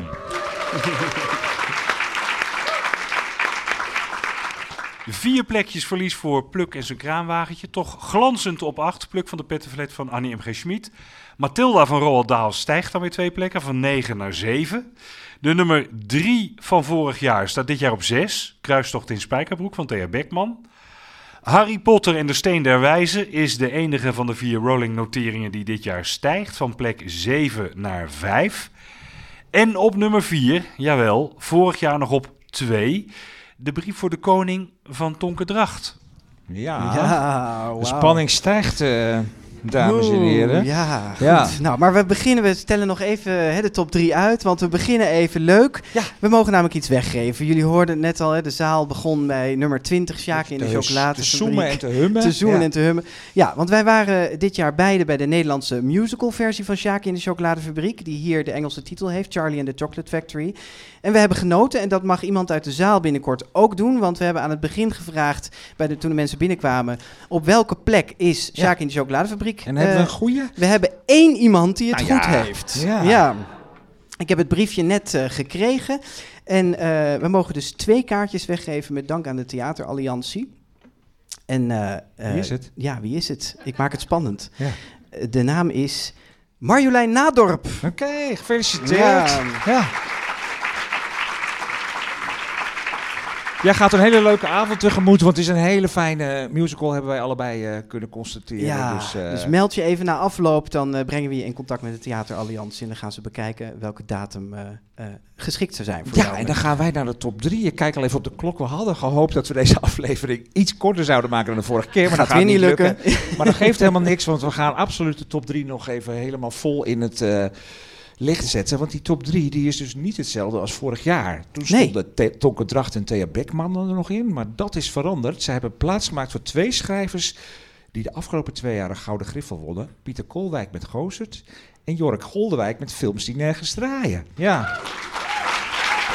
En dan, eh, en dan de nummer 1 van vorig jaar, Lampje van Annette Schaap. Die staat ook opnieuw in de top 3.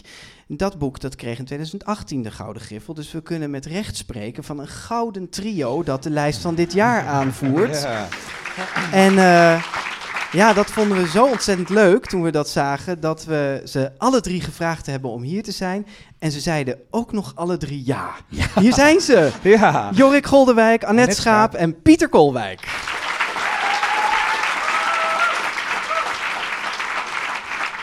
En voordat we aan de luisteraars en het publiek bekendmaken op welke plek jullie boeken staan, dat houden we nog even spannend. Eh, dus jullie moeten het ook nog even voor je houden. Eh, een paar vragen om de, de spanning op te voeren. Jorik Goldewijk, welkom. Dankjewel. Ja, ja, jouw films die nergens draaien werd in het begin van het jaar genomineerd voor de Vlaamse Literaire Prijs De Boon. En je kreeg in oktober de Gouden eh, Griffel. En nu zit je hier. Ja. Als jij dit jaar, hè, dat is bijna afgelopen 2020, in een paar woorden moet samenvatten, wat was dit voor jaar? Eh, absurd. dat is één woord. Ja, het is één, nou ja, maar dat omvat het wel een beetje. Ja. Ja. Ik had dat, dit, al die dingen die zijn gebeurd, had ik nooit verwacht. Nee. Het is Nee. een soort van eh, kermis van eh, eh, sensatie geweest. Het is ook ongelooflijk, hè? Want eh, je hoeveelste boek is het ook alweer? Je Vierde. Vierde boek, hè? Ja. En dan eh, meteen dit allemaal. Ja, want de rechten van films die nergens draaien... die zijn inmiddels ook verkocht aan het buitenland. Zuid-Korea, Denemarken en het Engelstaalgebied. En aan die laatste vertaling werkt niemand minder dan Laura Watkinson. En die kent Annette Schaap dan weer goed, want die heeft Lampje ook het Engelstaalgebied ingebracht. En als ik me goed herinner was Lampje toen het eerste buitenlandse boek ooit... dat genomineerd werd voor de Carnegie Medal, de, ah, de Engelse Gouden Griffel eigenlijk. Dus Ja. er staat je misschien nog meer te wachten, sorry. Ehm, ja, en we vroegen eh, Laura Watkinson alvast, dat heb jij zelf ook nog helemaal niet gehoord of gelezen, om een klein stukje van de vertaling in te spreken. Luister maar eens mee. Floaty red summer dress. As Cato came into the world, her mum had left it. She'd been dead almost exactly to the minute for as long as Cato had been alive. All Cato knew about her were the few things her father had told her. She had only one photo of her, and a dress. The photo was one of Cato and her mum together.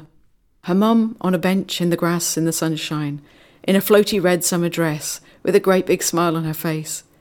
Cato inside her mum's belly, probably without a smile, because she was obviously still much too clueless for that. The photo was from a few weeks before her birth, a few weeks before her mum's death. Ja, dit is voor jou ook nieuw, hè, Jorik? Geweldig. Ja, Ja. ja. Zo, klinkt, zo klinkt films die nergens draaien in het, in het Engels. Ja. Ben jij betrokken bij de vertaling? Of, eh? Nee, helemaal niet. Nee. Nee. het, het enige is dat ik altijd zelf in mijn hoofd altijd heel nieuwsgierig was hoe het, Engels, het in het Engels zou zijn. Ik, ik heb op de een of andere manier het gevoel dat het heel erg thuis hoort in het Engels, het verhaal. Ik weet niet precies waarom, maar dus ik vind het echt Ja, dat gevoel had tof om net te ook over haar boek. Dus ik denk dat heel veel schrijvers dat gevoel hebben. Dat willen ze heel allemaal, erg ja. thuis in het. Engels. Ja. Maar ja, het was wel leuk, want we vroegen Laura van tevoren en die zegt... Hoe, maar ik ben nog helemaal aan het knutselen eraan en ik ga het nog helemaal niet vrijgeven. En, uh, uh." en toen zei ze, ik weet nog niet eens of ik Kato of Keto moet zeggen. dus nou ja, nou, het werd Keto uiteindelijk, Ja. zoals je Ja. kan horen. Ja. Work in progress, eh, Ja, we absoluut. maar Maar, hartstikke lief dat ze het wilde doen. Hey, en je uitgeverij die kondigde vorige week je nieuwe boek aan. Dat eh, verschijnt in maart. Duizend en ik. Ja. In de notendop, waar gaat het over? Oeh, ja, dat is heel lastig om dat te zeggen zonder dat ik iets weggeef wat echt niet weggegeven mag worden. Maar het gaat weer om een meisje. Ik schrijf dus graag over eh, vrouwelijke personages, kennelijk. Ehm, en deze is wat ouder. Ze woont in een stad die ja, helemaal leeg en, en eh, ja, eh, vervelend is. Daar woont ze met eigenlijk allemaal andere meisjes die precies op haar lijken. En ze doen allemaal precies hetzelfde als zij. En ze moet elke dag eh, naar een plek toe waar ze werk moet gaan verrichten, wat eigenlijk nergens op slaat. En ehm, ze wil heel graag dat ze het allemaal graag wil, maar ze begint te twijfelen aan de reden waarom ze dat allemaal moet doen. Eh, ze begint een beetje te eh, eh, verlangen naar een soort van vrijheid. Maar dat is allemaal streng verboden. En ze wil heel graag nou, haar lotsbestemming vervullen. Maar eigenlijk gaat dat voor haar niet meer. Ze wil weg. En eh, dat heeft allemaal hele eh, ja, vergaande consequenties. Nou, dit was de notendop wel hoor. Ja. Ja, dus, eh, Dus Ik wel moet best, heel eh, voorzichtig formuleren. Ja. Het is best snel alweer, eh naar, of lag het er al eventjes? Nou, het lag er eigenlijk al. Ja, het lag er al voor films die nergens draaien. Het is iets waar ik al eigenlijk veel langer al mee bezig ben. Eh, en het lukte steeds weer niet. Ik liep steeds weer vast. En toen dacht ik, weet je, ik ga even iets anders doen. En toen ging ik films die nergens draaien schrijven. En dat nou, het liep wat uit de hand natuurlijk. Dat werd meer dan even iets tussendoor. Ja. Ja. Maar goed, daarna kon ik het gelijk weer oppakken. En toen eh, zat ik in een soort van flow nog steeds van schrijven. Dus toen heb ik het in één keer doorgeschreven. Ja. Ja. Dus de volgende keer duurt het waarschijnlijk wat langer. Nou, we gaan er naar uitkijken. Dat doen we allemaal volgens mij hier in de zaal.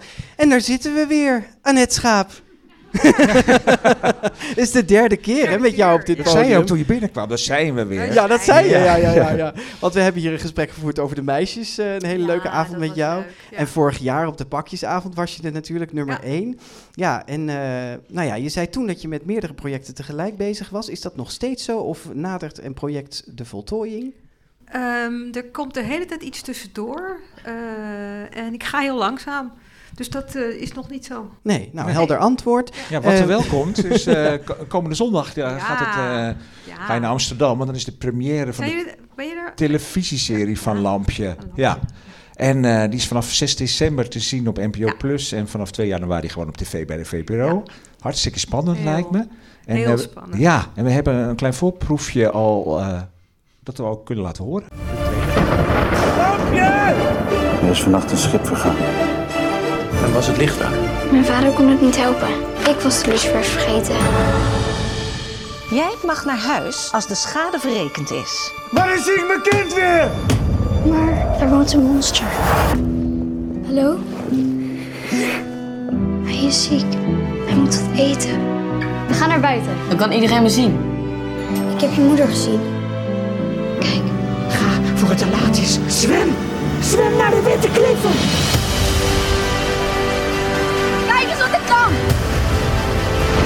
Je zwemt! Ik moet mijn vader waarschuwen. Anders ga je het aquarium in. Ik durf niet. Jawel, jij bent uit dat hout gesneden. held out. Ja. Heerlijk, hè? allemaal in. Ja, je moet het zien, hè? Ja, je moet het zien, Ja. nee, zeker. Maar Maar het ziet er fantastisch uit. Ik vond de trailer echt heel... mooi, eh, hè? en jij schreef ook al, en zei ook al in het verleden van... dit is echt heel mooi geworden. Waar, waar ben je vooral zo blij mee? Nou ja, het is dat ik ze eh, heb die mensen eh, van die productiemaatschappij, die heette toen Pupkin, die heet nu Juliette. Het is een beetje veranderd. in de tijd gekozen omdat zij degene waren die graag een serie wilden maken en niet één film van een uur of anderhalf uur. Dus echt de tijd. En ze hebben heel veel affiniteit met het boek en ze hebben me ook heel gul eh, laten meedenken en meepraten over eh, alle beslissingen die ze genomen hebben. Want het is echt heel veel om zo'n serie te maken. Ja. Heel veel gedoe. Maar ik, ik vond ze, eh, ja, ze zijn gewoon heel trouw. We wilden gewoon heel erg hetzelfde. Ehm, en eigenlijk bijna alles, alle beslissingen die zij namen en waar ze me in gekend hebben, daarvan dacht ik, ja, dat is precies, dat is het precies, dat is helemaal goed. Oh, heerlijk. Ja. We, we gaan het allemaal bekijken. Dus vanaf Hoop 2 het, januari eh, op de tv bij de VPRO. En als je NPO Plus kan hebben, dan kun je vanaf 6 december al eh, gaan kijken. We gaan echt nog even naar jou, Pieter. En dan naar de onthulling van eh, ja, jullie posities op de lijst. We hebben je straks horen voorlezen uit Missie Afbreken, het derde deel eh, uit de serie die met Gozert eh, begon. En daarna kwam eh, Luna nog. Die titel heb je niet zelf bedacht, hè? Missie Afbreken. Hoe zit dat? Nee, dat, dat klopt. Ik, had eigenlijk ik was zoekende naar de titel. Ik had het eigenlijk Ties Luna Gozert moeten noemen. Maar toen ik het eerste boek schreef, was het gewoon één boek zou het zijn. En zo gauw ik hem af had en ik hem las voordat hij naar de drukker ging, dacht ik, oh Luna, ik moet wat met Luna. En toen bedacht ik me, hé, hey, maar als Luna haar eigen verhaal mag vertellen, dan mag Gozert dat ook. Maar ja, wat verzin je dan voor titel? En toen heb ik een aantal gehad. Maar mensen, hoe meer je dingen verborgen houdt, hoe interessanter mensen het vinden. Heb ik inmiddels geleerd. Dus uiteindelijk ging het al een beetje mee spelen. En dan kreeg ik ook berichtjes. En op een gegeven moment zei iemand, ik weet wat het wordt. Het wordt missie afbreken. Dus ik zei, nou, nou, nou. En ik gelijk de uitgever bellen. Volgens mij heb ik een hele gaaf titel. wat dan? Ik zeg, nou ja, ik heb het niet zelf verzonnen. Maar iemand zei missie afbreken. Dat we dat zelf niet hebben verzonnen. Nee! Dus dat is eigenlijk hoe het gegaan is. Dat is iemand anders die dat verzonnen heeft. En die heb ik eh, omarmd. Leuk. De titel. Ja, ja, je mag niet zomaar mensen omarmen. En je had het, het manuscript al wat eerder ingeleverd en, en toen ook weer ingetrokken, begreep Ja, ik. Hè? klopt, wat, wat- is er iets misgegaan? Of, eh? Nee. Oh. Maar het was nog niet helemaal af. Nee, wel. nee. Weet je, ehm, een verhaal schrijven is... Gozert het is niet de makkelijkste om over te schrijven. Want Gozert, ja, die wordt niet door iedereen gezien. En ehm, ik was zelf ook nog wel zoeken. En op een gegeven moment had ik het verhaal geschreven en dacht, dit is hem. En de uitgever vond het ook goed. En toch twijfelde ik over een bepaald stuk. En dat heb ik toen uiteindelijk door een aantal mensen laten lezen. En die kwamen allemaal met hetzelfde terug. Dat stuk, toen heb ik hem weer weggelegd. En de dag voordat ze de aanbiedingsfolder naar de drukker zouden eh, sturen, dat is de folder waar alles in staat, dacht ik, nee, het is niet goed. Het is, ik moet dat kleine stukje, daar moet, dat moet het boek zijn. Dus toen belde ik de uitgever op en toen zei ik, ehm, wil het boek terugtrekken. En wat zeiden ze? Nee, joh, Nee, dat, ja. joh, dat is gewoon, het is gewoon een goed boek. Het is goed, ja. en iedereen, ik zeg, ik wil het toch echt. Ik wil het gewoon niet. Ik twijfel. Nou ja, bij twijfel niet inhalen. Ben het er niet mee eens, maar is goed. Ja. En uiteindelijk, toen ze dit las, zei ze, je had gelijk. Je had echt gelijk. Nou, wat goed. Wat dapper. Ja. Wat Ja. dapper om te doen Ja, inderdaad. ik vind het zo mooi als ik naar jou kijk, want ik zie daar op jouw arm een tatoeage met de gouden griffel. Ja. Ja, dan zijn jullie alle drie, jullie hebben niet zo'n tatoeage. hè? Nee. Ik heb hem ergens waar ik hem niet kan laten zien. Of op een plek waar je hem niet mag zien, inderdaad. Dat kan ook. Ja. Hey, zullen we overgaan naar de bekendmaking van eh, jullie posities in de Grote Vriendelijke 100 van dit jaar? Wie staat er op nummer 3, 2 en 1? Ja. We hebben voor alle drie van jullie een boodschap.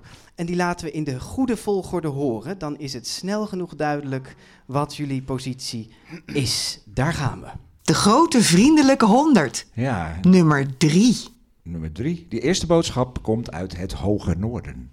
Hallo allemaal, ik ben Linde Vaas en ik heb de illustraties gemaakt voor Gozert van Pieter Kolwijk. Het is voor mij altijd een groot feest om Pieters boeken te mogen illustreren, omdat zijn verhalen vol fantasie, bijzondere personages en diepere lagen zitten. Voor Gozert kon ik me in de illustraties helemaal uitleven op de fantasie van de twee hoofdpersonages. Gozert doet me altijd een beetje denken aan Pieter zelf, met zijn uitbundige fantasie en grote enthousiasme. En daarom vind ik het zo mooi dat juist dit verhaal van hem vorig jaar de Gouden Griffel heeft gewonnen. Lieve Pieter, helemaal vanuit het noorden van Noorwegen wil ik je heel graag feliciteren met de derde plek in de grote vriendelijke 100 van 2022. Ja, de nummer drie, Gozert. En er komt meteen iemand het podium op met een prachtige bos bloemen. En we hebben een mooi cadeautje laten maken. Want we dachten het is pakjesavond. En daar hoort chocola bij. Dus we hebben jullie boek laten uitvoeren in chocola. Eh, dus je hebt nu een chocoladegozert in je hand. Ja, kijk eens. Dus die, eh, de bosbloemen dondert om, maar dat maakt niet uit. Die pakken Mag we ik- straks mag wel ik op. dan heel snel één ding zeggen? Ja. Ja. Want ik zit hier. Maar Linde heeft mijn boek geïllustreerd. eh, Mus en kapitein Kwaadbaard. eh, daar ligt... Ja, eh, ik wou dat eigenlijk ook... Ik wil eigenlijk even een heel groot ja, heel voor goed. Linde. Ja, heel Ja. Zal ik Je bent- mijn mond houden? Heel goed, nee, maar je bent me, je bent me eigenlijk een beetje voor. Want Ja, wat wilden wij juist zeggen? Ja, Nee. Het staat Echt hier waar? Pieter, een feitje over Linde. Want er staan maar liefst acht boeken in de Grote Vriendelijke Honderd... waarvan zij de cover heeft gemaakt. En, eh, ik zei, dat is toch ook wel een applausje waard, maar dat hebben we al gedaan. Ja. Dus, ja. Gefeliciteerd met je derde plek en, eh, voor Gozert. En wij gaan verder met... eh, Met de volgende. De grote vriendelijke honderd. Nummer 2. En dit wordt extra spannend, want als we de nummer 2 weten, dan is automatisch ook de nummer 1 bekend. Is het films die nergens draaien of toch weer Lampje? We gaan luisteren naar een boodschap van mensen die heel belangrijk zijn voor onze nummer 2. Hoi Jorik, hier zijn Dexter, Billy. en je handdoekenaangever. We vinden films die nergens draaien heel mooi en heel origineel. En we zijn heel trots op je. Gefeliciteerd, lieve Jorik. Met de tweede plek in de grote vriendelijke 100 van 2022. Ja, de nummer twee. Jorik Goldwijk voor films die nergens draaien. Jorik krijgt ook bloemen en Jorik krijgt ook de cover van zijn boek in, eh, chocoladefilm. in chocolade. ja, je hebt deze mensen vast herkend. Hè? Je vrouw Yvonne Lassetti ook de... Ja, ging een belletje rinkelen in het Ja, en je ja, bent die ook ook de nog koffer eens- heeft gedaan. Die, die mag ook inderdaad eh, genoemd worden. Dat is een fantastische Ja. koffer natuurlijk geweest. Ja, precies. Ja, en ze heeft ook de cover van je nieuwe boek weer gemaakt. Ja. Ja. ik in de. Hey, en naast dat je op nummer 2 zat, ben je ook nog eens de hoogste stijger in de lijst. Want je vond het vorig jaar ook al in de lijst op 66. En eh, nu naar nummer 2. Nou ja, wie kan rekenen weten dat dat 64 plaatsen is. En eh, hartstikke goed. Ja, en Ja, dat betekent, eh, dames en heren, dat de grote vriendelijke 100 ook dit jaar wordt aangevoerd door Lampje van Annette Schaap. De grote vriendelijke honderd. Nummer 1. Ja, en eh, van harte gefeliciteerd Annette. Eh, we willen zo je reactie horen, maar eerst voor jou ook een boodschap. En ehm, eh, daar gaan we nu naar luisteren. Hoi, ik ben Lotte Jonker en ik speel de rol van Lampje in de familieserie Lampje. Ik vond het boek heel mooi om te lezen. Er gebeurden allemaal spannende dingen en ik wilde alleen maar doorlezen. Daarom vond ik het ook zo vet om de rol van Lampje te mogen spelen. Een bijzonder meisje met veel moed en liefde voor andere mensen. Echt een geweldige ervaring om in deze serie te spelen en om Lampje echt tot leven te brengen. Lieve Annette, van harte gefeliciteerd namens de hele cast en crew met je nummer 1 notering in de grote vriendelijke 100. We hopen dat de mensen net zo gaan genieten van de serie als van het boek. Ja. Ja. Lotte Jonker. Ja, en zij doet dat zo. Zij doet dat echt, echt, echt heel prachtig. Mag ik Ja. één heel klein dingetje vertellen? Zeker. Eh, die mensen van, van, de, eh, van, van Pupkin dus, die hebben heel veel gezegd, je mag mee, beslissen en je mag hier naar kijken. Je mag... En ze hadden ook gezegd, als ze nou kinderen eh, laten auditeren, dan mag je ook meekiezen wie dat dan zal zijn. Eh, er waren iets van 100 meisjes of zo zijn er gekomen. Nou, die heb ik niet allemaal 100 gezien. Dus op een gegeven moment hadden ze er nog eh, drie over. En zeiden ze, dan laten we ze jou zien, dan mag je meekiezen. En dat mocht ook. Maar, zeiden ze, hebben zelf al wel een klein beetje een voorkeur. Oei. En toen ik die filmpjes zag en ik zag haar, het was Ja. echt zo raak. Het is Ja. gewoon, ik Ze was is het helemaal lampje. mee eens. Ja, Ze is lampje. Ze is lampje. Ja. Ja. Geweldig. Nou, Nou. hartstikke mooi dat dat eh, allemaal goed is gekomen. En jij staat dus weer op nummer... eh, Ja, man. we hebben... ja, geweldig, toch? Eh, jij, jij hebt je boek van chocola ook gekregen, Ja. hoop ik? Ja, heel goed. Ja, lampje Ja. in chocola. En eh, nou ja, dit is de top 3, dames en heren. Ja, de top drie.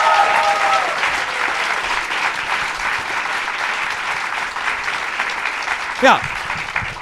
En uh, nou ja, wij zijn de stemmers ook heel dankbaar voor de stemmen ook dat ze de top 3 nog op levende schrijvers hebben gedaan. Ja, zodat we ze allemaal fijn. konden uitnodigen. Volgend jaar weer graag. Is ja, erg fijn, ja. En uh, nou ja, aan alles komt de eind ook aan deze pakjesavond. Uh, we hebben de hele top 100 weer afgedrukt op een poster, net zoals vorig jaar. Dat mogen jullie meenemen straks uh, aan het eind als jullie naar buiten gaan. Jullie krijgen ook een zakje grote vriendelijke pepernoten en een presentje van onze sponsor MBD Biblion. En voor de luisteraars, als je de poster wilt downloaden, dat kan via de knop Media Kit op onze website. En uh, de hele lijst vind je vanaf nu aan ook op hebban.nl. Ja. ja, en op onze eigen site vind je ook de show notes bij deze aflevering. Neem daar vooral een kijkje. Dit was vanuit Theater de Liefde in Haarlem de tweede grote vriendelijke pakjesavond aflevering 84. We moeten even wat mensen bedanken. We, ik snap dat het lang duurt, maar um, uh, we moeten even wat uh, mensen bedanken. Ja, natuurlijk iedereen die een top 5 heeft ingestuurd. De mensen van Hebban die de lijst uh, hebben gefaciliteerd en met wie we weer ontzettend fijn hebben samengewerkt. Sander Verheijen en Debbie van der Zanden. Onze scheidende en onze nieuwe voorzitter, ja. Thea Otte en Telini Scherpenzeel. En bestuursleden Mout Aarsen en Marianne de Ruigt voor de ondersteuning. Annette van het theater, meester achterin voor de techniek natuurlijk. Um, Ilse Knook en andere vrijwilligers vrijwilligers um, Anouk Thijssen en mijn eigen Max voor het inspreken van de tunes. En? En Bert Kranenbar. Ja. ja. Fijn dat je er weer was, Bert. Ja, en natuurlijk onze eigen Mark Brouwer, onze onvermoeibare technicus. Yes. En verder danken we natuurlijk onze sponsors en vrienden van de show voor de financiële ondersteuning. En wil je ook vriend worden, kijk dan even op onze website. Nou, dat waren alle huishoudelijke mededelingen. En dit was de grote vriendelijke pakjesavond 2020 of 22? 22, ja, hoe ja. vond je het? Uh... Nou, ik, uh, ik heb weer genoten. Ja, ja. ik vond het was weer een feest.